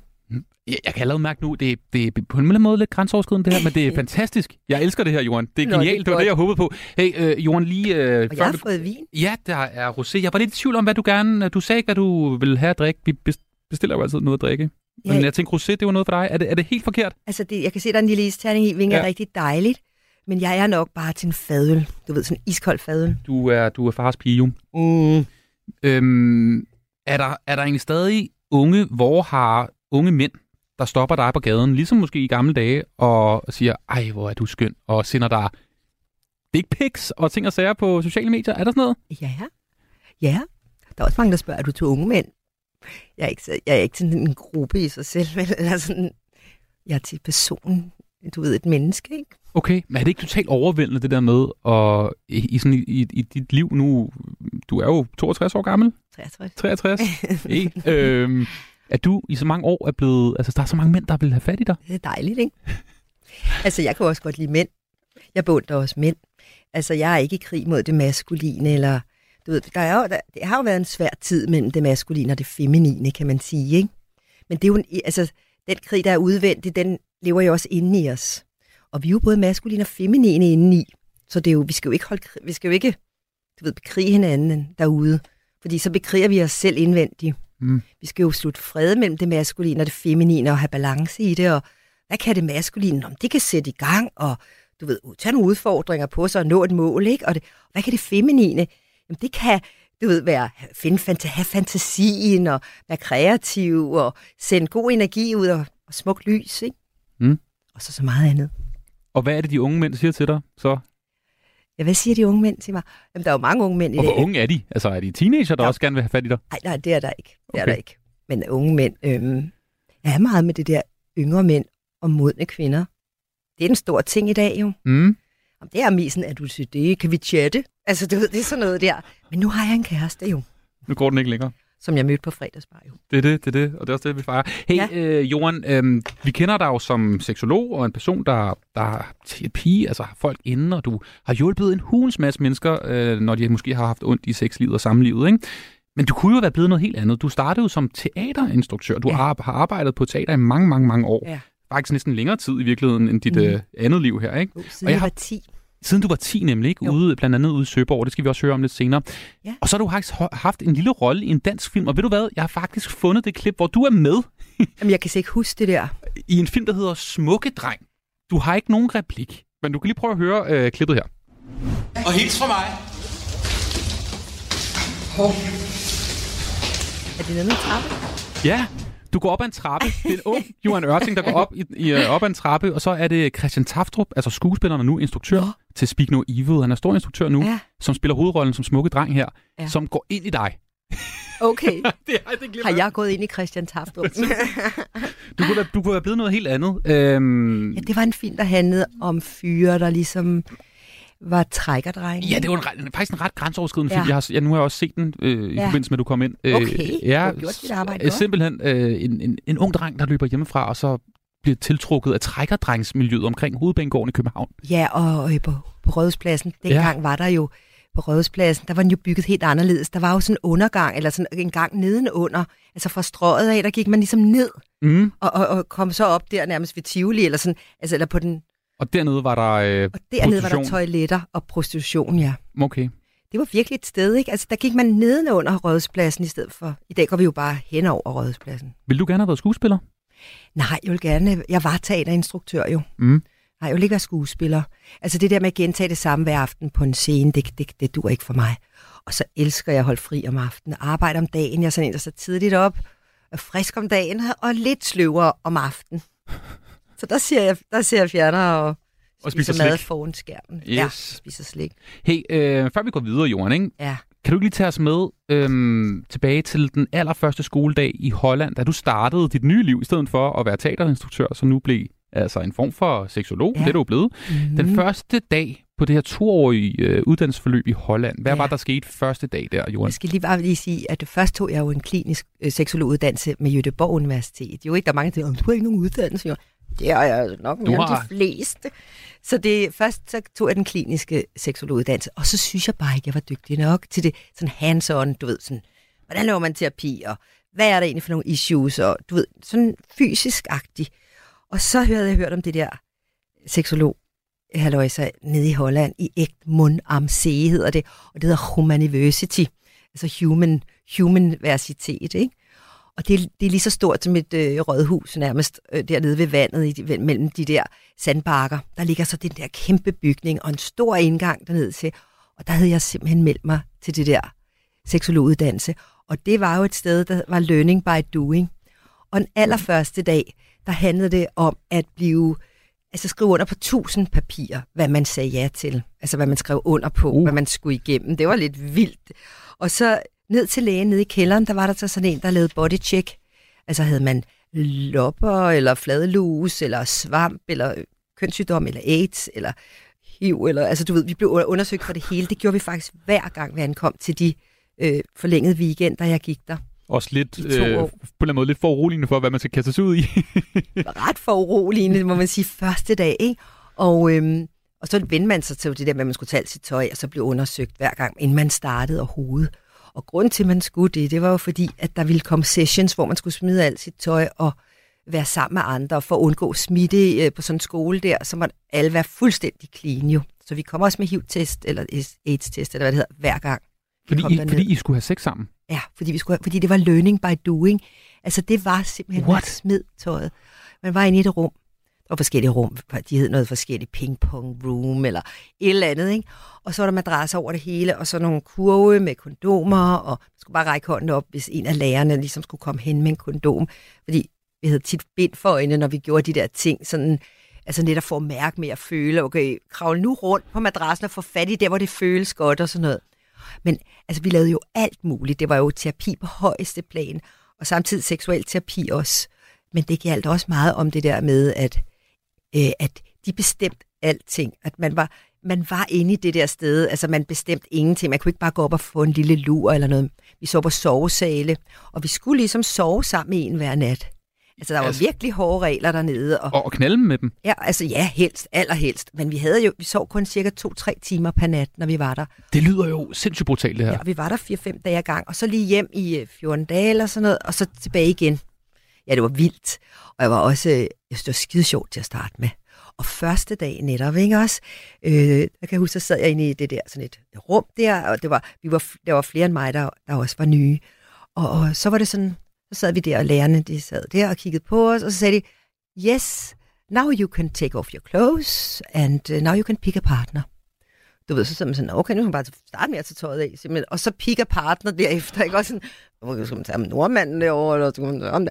Og så var der allerede sådan to mænd på vej hen mod mig, så det var sådan, åh oh, nej, nu bliver jeg valgt, er det mit valg? Og, og, og, og, øhm, og så, altså, men så lærer man jo netop ud af det der, fik jeg sat grænser, fik jeg lavet samtykke, fik vi...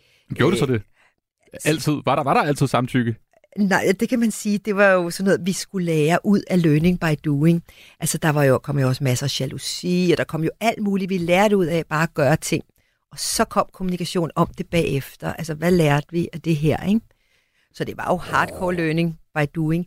Gør man stadig sådan noget i 2023 på den måde, når man skal blive seksolog? Det eksisterer stadigvæk øh, i øh, Holland, det der. Øh, nu er lederen, der var dernede, han er så død, men Human University eksisterer stadigvæk, og det er også en terapeutisk, der er også en fire år terapeutuddannelse, en toårig seksologuddannelse, og så er der også nogle weekend øh, altså hardcore weekendkurser i selvudvikling.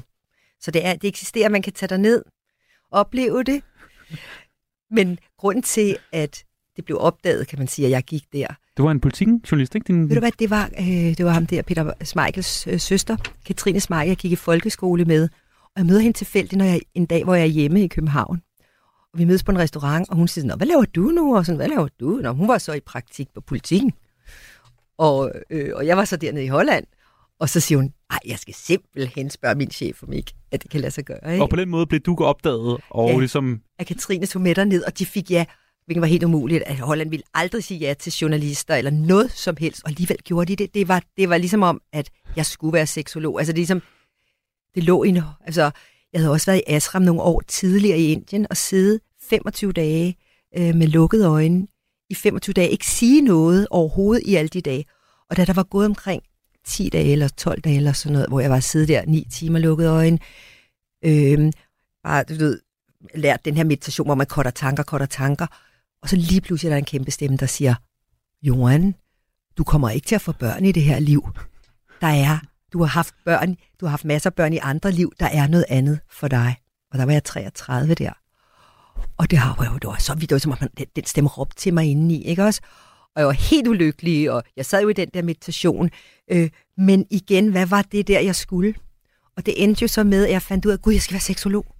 Og fuldstændig op at køre, da jeg fandt ud af, at jeg skulle være seksolog. Og det er ligesom det hele bare, hvorfor fik de øh, journalister lov til at komme ned til Holland det sted der, og, og lave den der store politikken-artikel, Mm. der så gjorde, at alt for damerne så den, BT så den, og så kørte det bare. brevkasserektør på Ekstrabladet, og Ja. ja. kom efter det, og sexskolen, det hele startede der. Ja. Var der egentlig også en stemme, der sagde til dig så, mens du havde sex med en nordmand, Don't do it, Johan! Sikkert mange gange. Johan Ørting, det er en fornøjelse, og velkommen ind for her i uh, fredagsmissionen. tak. Du lytter til fredagsmissionen på Radio 4. Mm, det er øh, helt klart rigtig, rigtig dejligt med et glas rosé her mm. i studiet. Det er selvfølgelig seksuel øh, vejleder, seksolog, og den originale seksolog, der er i huset, Johan Ørting, fredagsgæst her i fredagsmissionen. I dag øh, er der jo ikke så mange af os, der laver sådan store øjne og rødmer, når øh, snakken falder på sådan, nogle, sådan noget som orgasmer og utroskab. Og dog. Og dog, ja. Det kan være, at måske vi lige kan komme ind på det. Ja. Øh, åbne parforhold og sådan særlige fetishes og den slags. Det er, jo, det er i hvert fald blevet mere sådan en stueren, der tager snakken op med sine venner, end det var måske dengang du startede. Det er i hvert fald sådan min, øh, min oplevelse. Og måske også dengang du du startede med at interessere sig for den slags, da du øh, gik i puberteten. Kan du ikke lige prøve at fortælle, Johan Ørting, hvordan sådan, øhm, seksualvejledningen, hvis vi bare sådan, kalder det det, var dengang du voksede op i 60'ernes-70'ernes øh, Danmark? Hvad snakkede I om i skolen, når det handlede om sex? Var der noget? Du, du, Nej, der var ikke. Altså, jo, der var en... Øhm, Statens Filmcentral havde sådan en... En, en, ja, du ved sådan, Nå, nu skal vi se film, så kommer sådan en spole ind. Har nu fået en rigtig øh, spole der, der var Statens Filmcentral. Ja, Nå, så kom spolen på. Og så var det det der, hvordan mor. Nå, her er der en mand, der var tegnet sådan, han har en tissemand.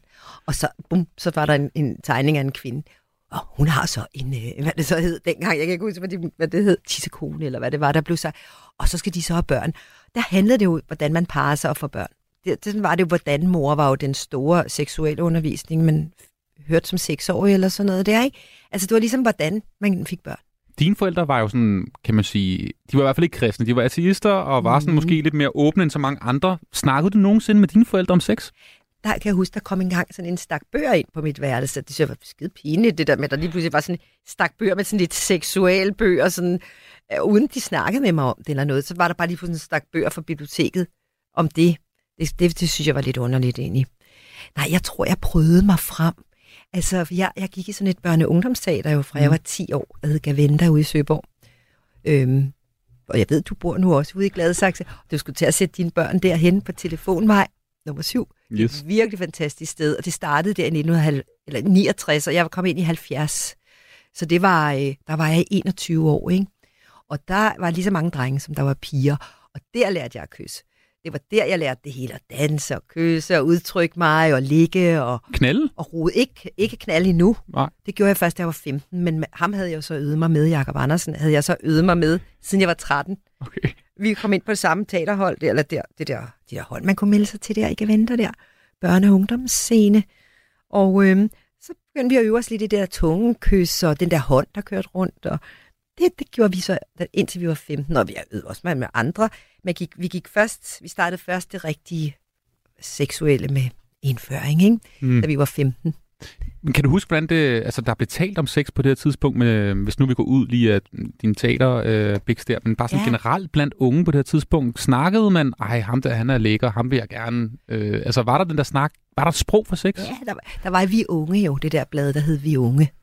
Og så var der også ungdomsredaktionen, der blev godt nok ikke sådan rigtig talt om sex der. Men i Vi Unge, der var sådan en brevkasse for eksempel. Der kunne godt blive talt om sex i det der. Ikke?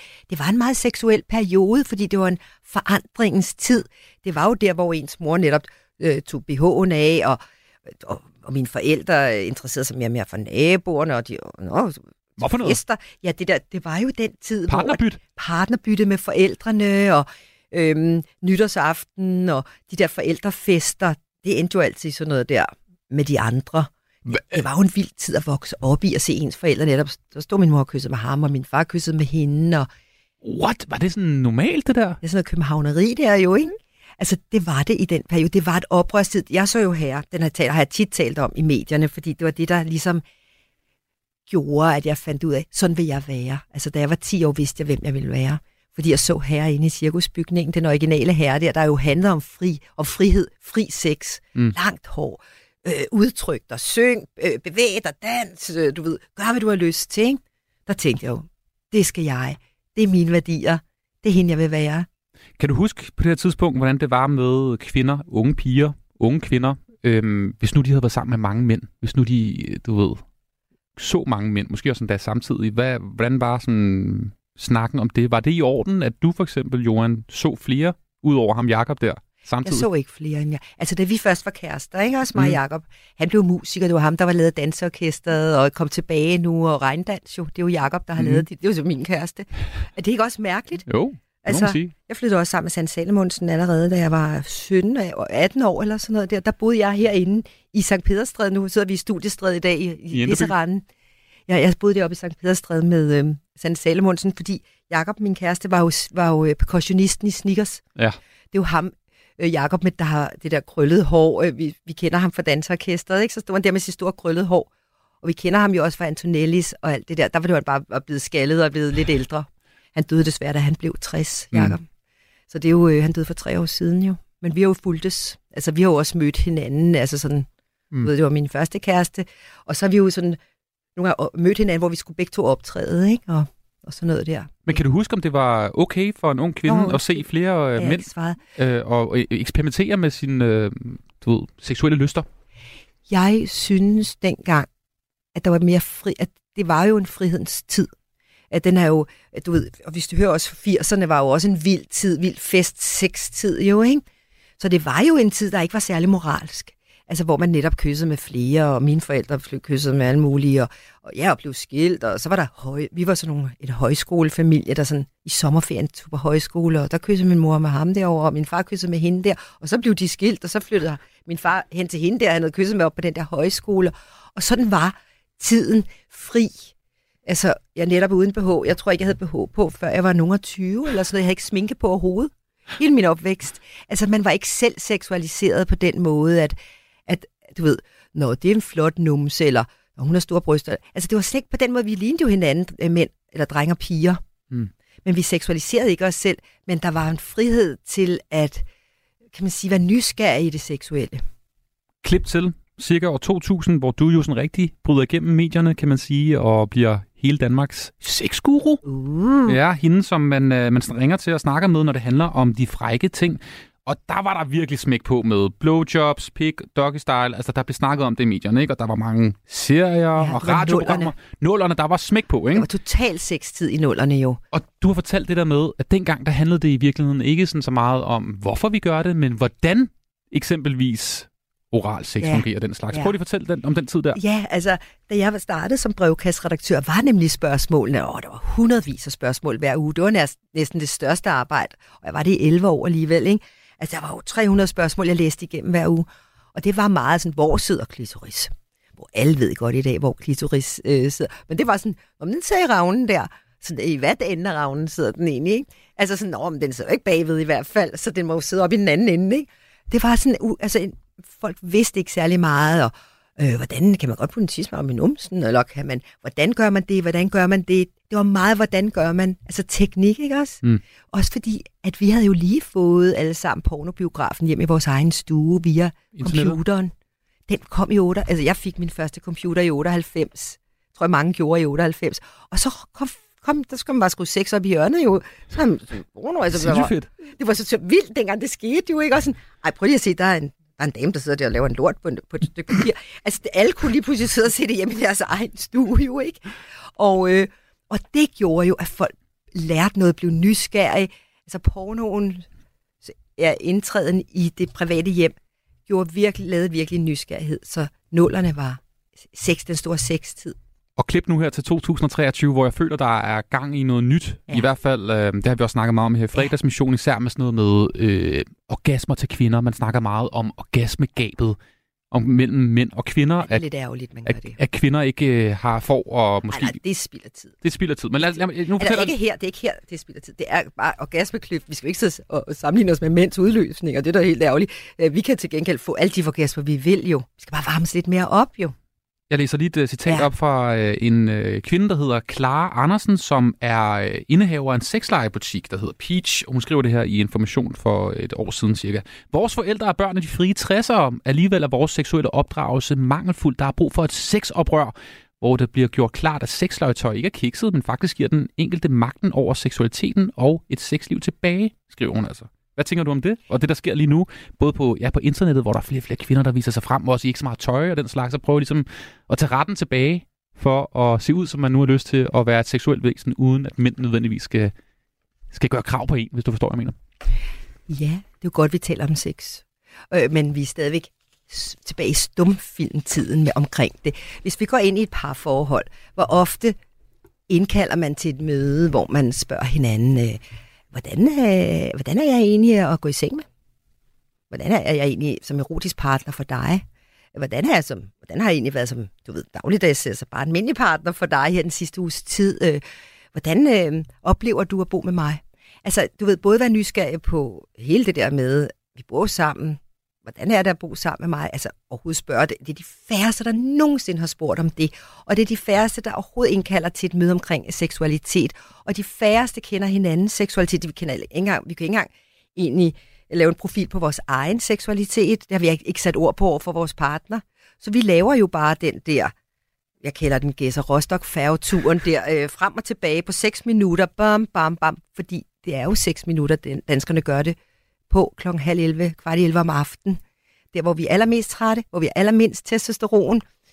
Vi er ikke frie seksuelt overhovedet. Vi spørger stadigvæk ikke i parforholdet, øh, hvad, øh, hvornår, hvad har du lyst til, at øh, vi skulle have lidt sex? Eller jeg har lyst til, i virkeligheden ikke spørge, men sige, jeg har virkelig, virkelig lyst, jeg er virkelig liderlig, jeg har virkelig lyst til dig i aften, eller nu, eller øh, det der, at vi taler om det, i stedet for, um, skup, så kom der en hånd derinde klokken halv 11 om aftenen, sådan lige pludselig ud af det blå, hvor vi egentlig tænkte, vi skulle sove, så skal vi til at tage stilling igen, sådan, gud, øh, øh, skal vi, øh, nu vi skal bolle, øh, øh, er jeg frisk nok til det, og jeg, altså, er, er, jeg, er jeg ren nok, er jeg, altså du ved, det er så mærkeligt, at vi ikke kan tale om det inden, men at vi skal sådan chokeres derinde i sengen, sådan, er det nu, vi skal gøre det, ikke?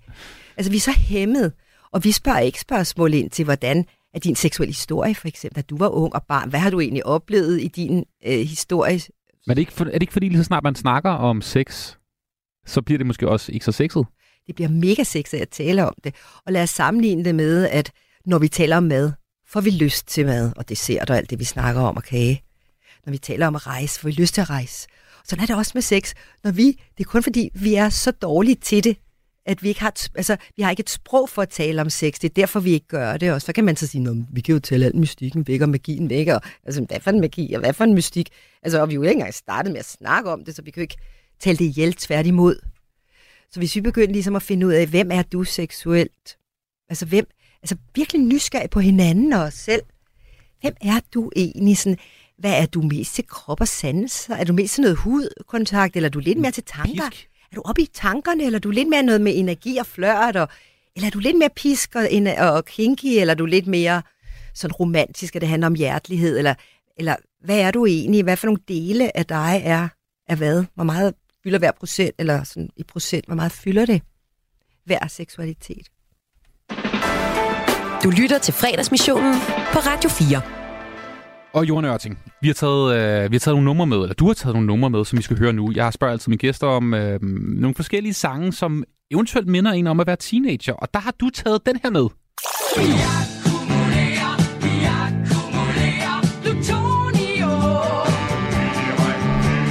Gode gamle Jomfru Ane jo. Ja, og det er jo ikke fordi, jeg hørte Jomfru Band hele tiden og noget. Men jeg hørte jo, altså det var jo den tid, det var sådan en, rigtig polit, det var en oprørstid på alle måder jo, ikke? Så det kunne jo øh, Røde Mor have hørt rigtig meget. Øhm, jeg har hørt øh, øh, Skovsen og Ingemann og øhm, de her og Christianepladen og alt det, der var i den tid. Det, det var jo sådan en tid der, ikke? Og den er meget sjov, den her Plutonium, synes jeg. Og Kaja Bryl, hun gik jo, det jo hendes mor. Øh, Kaja, der, der er sanger i dag. Hun var jo også derude for det der børne- og ungdomsteater, hvor jeg, hun var min elev i gennem mange år, for eksempel. Ikke? Og mange af dem, vi kender i dag, kommer jo derude fra. Og det her nummer her, det er jo sådan lidt et klimanummer på en eller anden mærkelig måde, ikke? Ja, Og det er handler om, ja, så det er, på, det er jo meget 2023 faktisk. Ja, jeg ved så bare ikke det der med plutonium, men så kan man sige CO2. Eller, Ja, præcis. putte et nyt øh, ord ind. Øh, hvordan så det ud på det her tidspunkt, Johan? Fordi du er jo ikke rødhåret oprindeligt, vel? Nej, det er jeg ikke. Men det var jeg fra jeg var 14. Ja. Ikke? Der farvede jeg mig første gang hen af farvet, da jeg var 14, og var lidt hippie øh, og kom op og viste, jeg havde langt hår, og viste, jamen jeg gør bare, hvad jeg har lyst til. jo. Jeg har lige været inde og se herred nok, ikke? Og jeg, gør, jeg vil jo det her, ikke? Poncho og, og rødt hår og være fri, og Hvad er din sådan originale hårfarve så? det er bare almindelig. Almindelig leverpostej?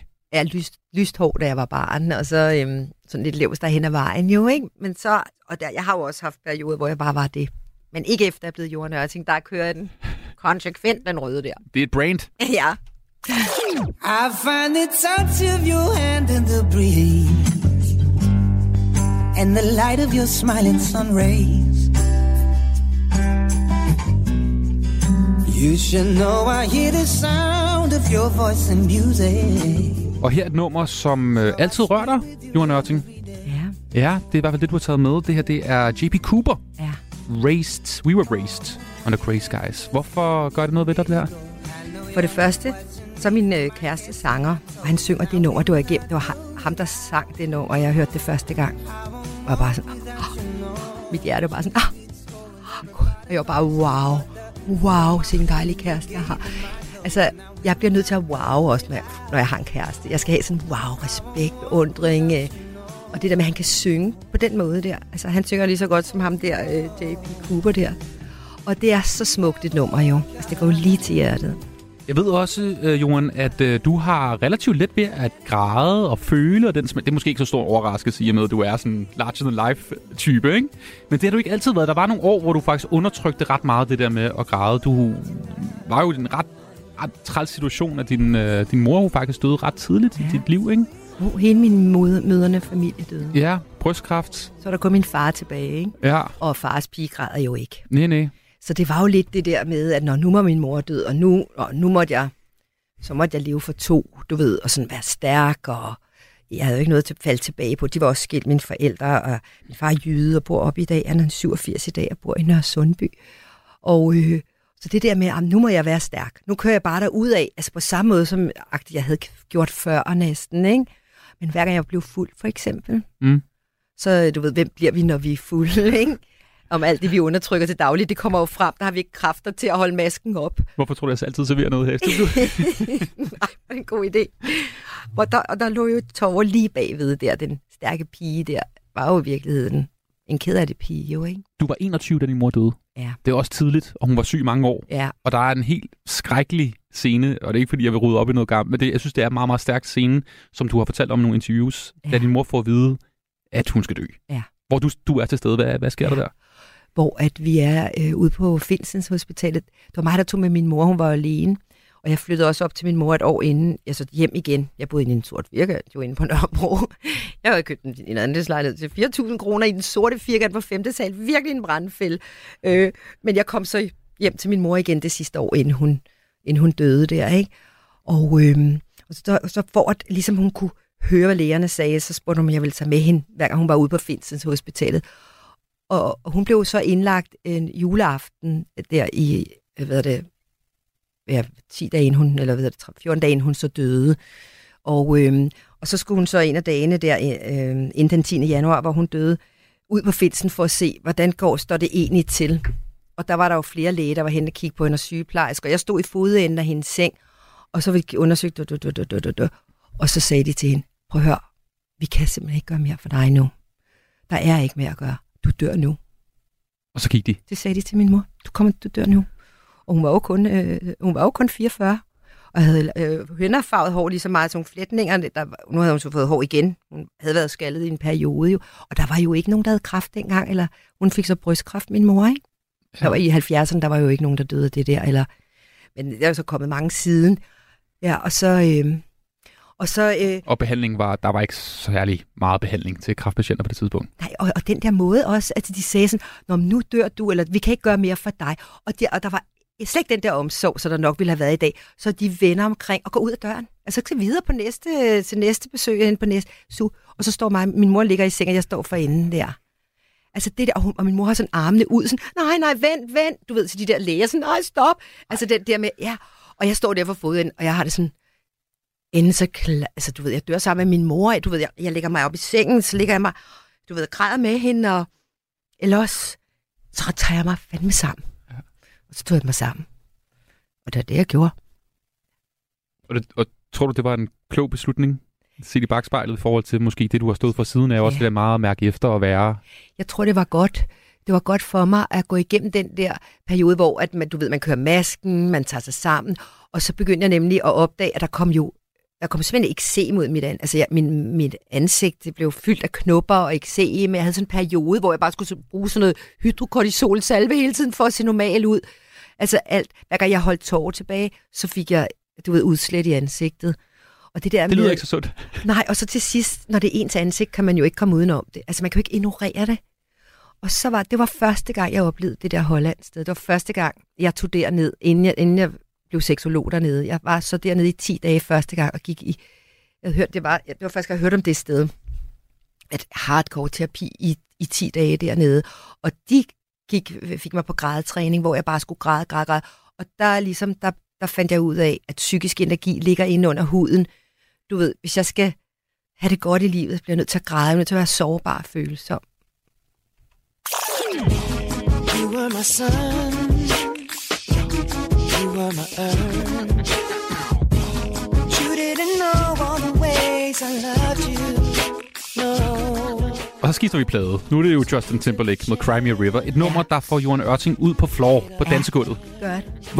Hvordan, hvordan danser du til det her Ja, det nummer? må nok sige. det er jo ikke et oplagt nummer at danse til, jo vel? Et nummer, han har skrevet til Britney Spears i øvrigt. Cry Me a River. Ah, til hende? Ja, Hvorfor? I hvad for en anledning? i forbindelse med, at de slog op. Aha. Det er simpelthen et break-up-nummer, kan man sige. Okay, det er et break-up-nummer. Men der er god rytme i det, selvfølgelig Ja, rigtigt. gang den er der, så danser min kæreste og jeg. Okay. Altså, og det, det er, ja, den er jo lidt sådan... Boom, gang. Det er også det, der er sjovt, det der med, at man kan lave sine egne moves ind imellem det der... Tju, chang, tju, ta, du, du, du, bum. Altså, man kan lave... Ja, ja. Og virkelig sådan føle det, og bruge sin krop rigtig meget. Den er meget til krop egentlig, den der. Ja, det der sker i studiet lige nu er, at Johan simpelthen øh, danser siddende. Det, det er meget smukt. Jeg var for lige fornemme. Hvorfor er det det dansenummer i? Men det er det virkelig, synes jeg. Det er en så nummer. Cry Me River her fra Justin Timberlake. Og vi hopper videre til et nummer, som mange måske ikke lige tænker, at øh, Johan Ørting hører.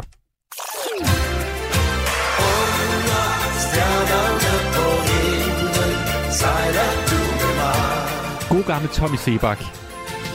Hvad, hvad er der med dig og det her nummer? Under stjernerne på himlen? Det er jo det hemmelige nummer, jo. Ja. Det er det, ingen ved, man er vild med, ikke også? Ja. Så det burde jeg jo slet ikke have det med, jo. Synes du, det er pinligt, eller hvad? jeg synes, det er sjov, en sjov opgave at få. Det der med, hvor øh, du har skrevet til mig sådan, send lige, eller hvad, hvad for et nummer, at det er ingen ved, at du elsker. Øh. Jeg synes, det er så smukt et nummer, det der. Altså, han fik slet ikke nok for det. Altså, det var, og der var sådan en konflikt rundt om det der, hvor det ikke gik så godt til Grand Prix, og, og det kan jeg heller ikke forstå, det ikke gjorde. At det gik. Jeg synes jo, det er et, et stjernenummer uden lige. Mm. Og det går sådan rigtig op Grand Prix-agtigt. Sådan, Klart. virkelig op med armene op over Hvad er det med dig og Melodi Grand Prix? Er der ikke et eller andet? Jeg har været til Melodi Grand Prix i hvert fald. Ja. Men jeg har mistet interessen. Jeg Nå. synes i gamle dage. Og ja, De jeg, gode gamle dage. jeg har været over i Malmø og set- opleve Grand Prix'et. Sådan. Ja. Under stjernerne på himlen. Et nummer, som øh, ingen måske lige ved, at Johan Ørting elsker. her med Tommy Sebak. Og nu, Johan, der kaster dig ud i enten eller. Nå. Hvem vil du helst have til at arrangere dit polterarben, hvis nu du bliver gift med din kæreste? Hvem ved? Karl Mar Møller eller Mads Blærerøven Christensen? Altså, jeg, jeg kender dem begge to, jo. Ja, det ved jeg. Ja, så Mads har jeg lavet øh, det der Kom til middag med. Vi var de første, der lavede et program, jo. Mig og Mads. Mads bor i Sverige nu, og har helt opgivet at være Mads. Ja, han, han, han, han, er, han er stoppet simpelthen med at være i medierne og den slags. Jamen er det ikke noget med, at han har fået en svensk kæreste? Jo, jeg tror bare, han... Ja. Og har fået en, et andet slags sexliv og alt Åh, det ved jeg ikke. Ja, ja, jeg ved Okay. ikke. Øh, der, men øh, der er, eller, jeg, det har jeg i hvert fald hørt nogle små fugle synge om. Og sådan. Så jeg tror, Mads, han er Et andet sexliv.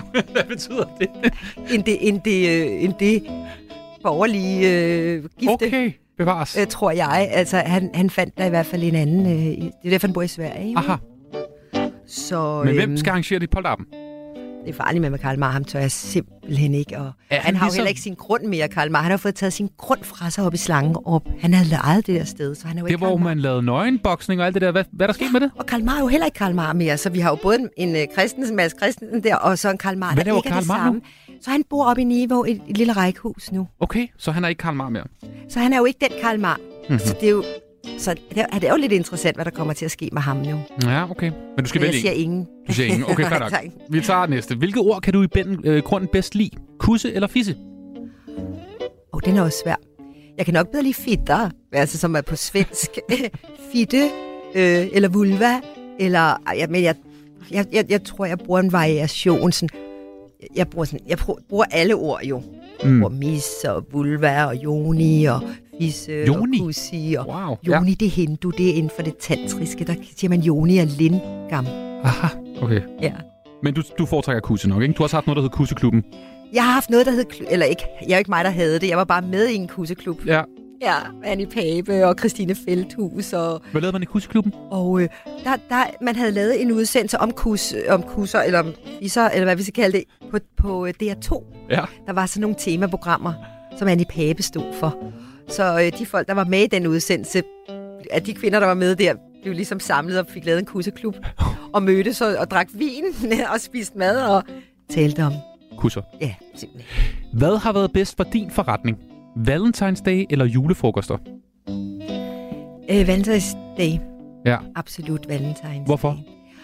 Øhm, ja, der har jeg nemlig aldrig selv rigtig kunne holde ja, Valentine's Day, fordi der har jeg så holdt foredrag der, ikke? Mm. Men julefrokostsæsonen er vel også meget god, fordi der er mange, der ja. får ondt i sexlivet, eller gør noget dumt, hvad ved jeg. Jeg har også været ude og optræde til noget af det, men der er folk så fulde, og det er faktisk ubehageligt, når man er ude til fulde mennesker og optræde. Oh, Det jeg godt prøvet, har du prøvet det? Ja, ja, men jeg tror ikke med, lige med de emner, som du har med i, øh, i Jeg har, sækken. engang, jeg har engang også skulle optræde i Jomfru Endegade op i Aalborg, hvor at, øhm, der var, de var så fulde, de mænd, altså de, der havde arrangeret mig, at det endte med, at de bare fik lov at bære mig rundt. Altså jeg kunne slet ikke sige noget. Altså der var så meget larm, at det kunne slet ikke. Så det endte bare med, at jeg måtte bare lade mig bære rundt. Det var ligesom det, jeg fik pengene for sig. Var det ikke ubehageligt? Jeg forsøger, altså, det er, det er normalt ubehageligt, men der, der skulle jeg videre til Skagen og til noget fest op i Skagen, så jeg var lidt sådan, ved du hvad, det, det tager som oplevelse på vej til Skagen. Men, men, men når du så kommer ud sådan nogle steder, og folk er beruset, eller er stive, kan ikke gå nærmest, og mænd er måske også lyderlige, er, de så efter dig? Fordi nu har vi jo også snakket lidt om det der med, at du har været en eftertragtet måske person, og været lidt en figur, som folk har et forhold til. Du handler, det handler om sex med dig, den slags. Har du så fornemmet, at folk kommer op til dig og gerne vil alle mulige ting? Men jeg har aldrig været bange for mænd. Mm. Altså, jeg har, jeg har ikke... Øh, jeg har det meget godt tag på mænd. Eller sådan, jeg, jeg, synes, altså, jeg, jeg har ikke noget med, at hvis de løber efter mig, eller et eller andet sådan, så er jeg jo smitter jo til dem venligt. Altså, om tak. Tak for din interesse. Altså, man må jo godt sige tak for, at folk godt kan lide en, eller der synes, man er fræk, eller... Altså, det, det, er jo, det, må man, det synes jeg, man skal være taknemmelig for. Jeg har hørt andre kvinder sige, når man bliver 60 eller 50 eller 40, eller hvor meget den er nede på, så holder mænd op med at pift, hørt, har jeg hørt mange sige. Og, og at det faktisk nærmest er også meget underligt, og en tomhed, og, og noget, de savner. Og, så jeg har bare sådan, "Nå, så længe der bliver piftet, så er jeg glad. Hvor, eller hvad er din oplevelse? Hvor er der mest utroskab? Er det på Folkemødet på Bornholm, hvor jeg ved, du har været til stede? Eller er det på Skanderborg Festival? Du ved, hele Danmarks polterappen. Og jeg tror lige utroskab, det er sgu for det folkemøde. Der. Nå, hvad har du oplevet? Fortæl. Altså, der, jeg har ikke selv oplevet, jeg har, altså, jeg tror, det der med, det er jo hele familien Danmark, der bliver sluppet løs der til folkemødet. Nå, jeg tror bare, det var politikere. Der er virkelig lidt at være derovre jo, ikke også og alt muligt. Der tror jeg, der sker ting og sager.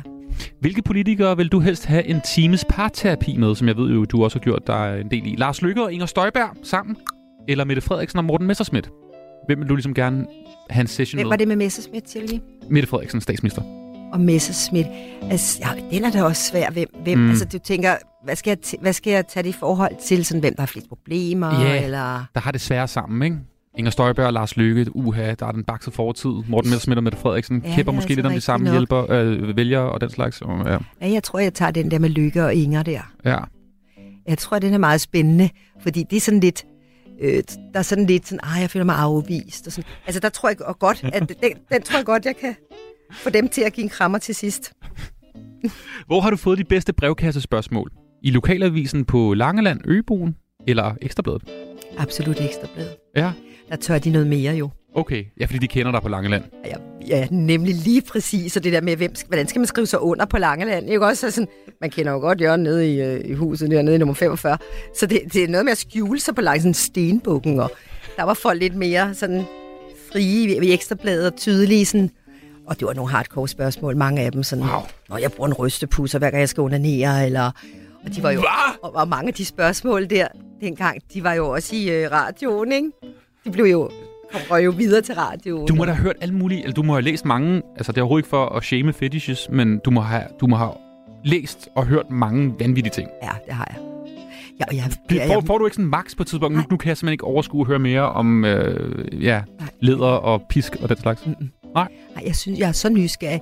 Jeg er jo selv meget sådan, i min egen seksualitet, den er jo meget sådan, elsker at kysse. Det er det bedste, jeg ved, ikke også? Altså at kysse, og være rigtig god til at kysse, sådan du ved, hvis man har en, det er jo virkelig vigtigt for mig at finde en, der er god til at kysse. Og så det der med det kropslige, huden og altså fysisk sådan. Og så også den her med energien, det kan jeg også virkelig godt lide, det her med at flørte og mærke maskulin og feminin, sådan den der tiltrækningskraft, der er mellem de to der, ikke? Så jeg er egentlig ret uskyldig og lidt romantik også indover i min egen seksualitet, men jeg er så nysgerrig på det kinky. Og du er også, der er mange, der også, er der ikke mange mænd, eller ikke mange, jeg har bare hørt dig fortælle om også, at der er øh, flere mænd, der kommer med sådan noget mødre, altså at de er fantaserer om deres mor. Er det korrekt? At ja, det der, der er rigtigt. Jo, jeg har faktisk, jo, der er også flere, der, er ind, der, der vil gerne have deres øh, have, at mors trusse med hjem, okay. efter de er blevet voksne og sådan noget. Du ved, mors trusse nede i vasketøjskurven og sådan noget. Og, og må jeg det? Må jeg godt tage min mors trusser, når Hvad jeg... svarer du så? Der svarer jeg nogle gange ja. Tag den nu bare. Tag nu bare den trusse. Hvor, hvorfor det? Fordi øh, ellers kommer det til hele til at handle om det der med at få fat i, eller må jeg det rigtigt og det forkert. Så heller bare tage den. Så kan vi så derfra begynde at arbejde sådan, okay, hvad er det for en, en connect? Hvad er det, der er sket? Altså, hvad er det, der er i din barndom? Det hele, alle vores, sex, altså, vores seksualitet, der kommer fra vores barndom. Det er så spændende et sted at øh, arbejde. For, altså bare for eksempel har man seksuel fantasier, ikke også? Mm. Så ligger der en, en gemt længsel i enhver sexfantasi, som jeg kalder the missing link. Altså hvor at man, man kan sige, det der foregår i en sexfantasi, der er jo tit en anden en med end sig selv. Ikke også? Der er ofte en eller flere med. Hvad så gaven fra den person eller de personer til, til den, der har fantasien? Hvad føler, skal man spørge ligesom, hvad føler du så, at du, altså når de gør det ved dig, eller du gør det ved dem, hvad føler du så? Og den følelse der, det er det, der er ens dybeste livslængsel. Og man så kun bruger hist og pist i et par minutter i onani, men hvor at øh, vi kunne faktisk, hvis vi er klar over, hvad det er for et ord, der ligger der, ja, så føler jeg mig tilstrækkelig, så føler jeg mig smuk, så føler jeg mig storslået, så føler jeg mig, du ved, hvis man tog det ord og begyndte at arbejde med at tage det ind, at tage ejerskab af det ord, så ville ens liv gå meget bedre. Det var enten eller med Johan Ørting. Du lytter til fredagsmissionen på Radio 4. Og fra øhm, hemmelige seksuelle fantasier, mm-hmm. så skal vi øh, sige farvel og rigtig glædelig fredag til dig, Johan Ørting. Det var en fornøjelse at snakke med dig her i fredagsmissionen. Uh, det gik hurtigt, Ja, det, det må man sige. Ja. Det må man sige. Og Hvad? du var virkelig velforberedt, må jeg nok sige. Nej, sådan er det jo. Hold da op. Når du har lyst til at bruge en, øh, en time selskab herinde. Jeg ved, du skal hjem til din øh, kæreste nu, som bor i København. Mm. Hvad skal der ske i aften?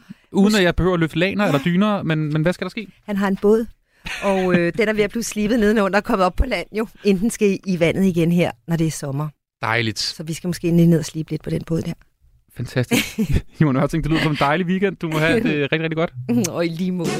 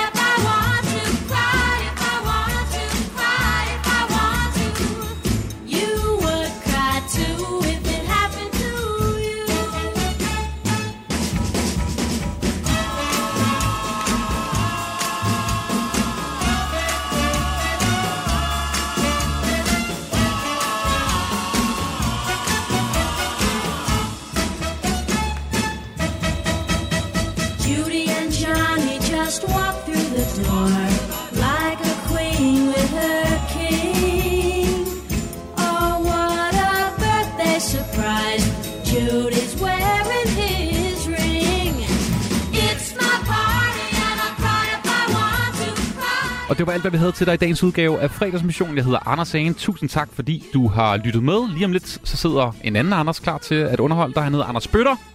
Allerførst får du lige nyheder her på kanalen, hvad der sker ude i verden. Klokken er 17. Du har lyttet til en podcast fra Radio 4. Find flere episoder i vores app, eller der, hvor du lytter til podcast. Radio 4 taler med Danmark.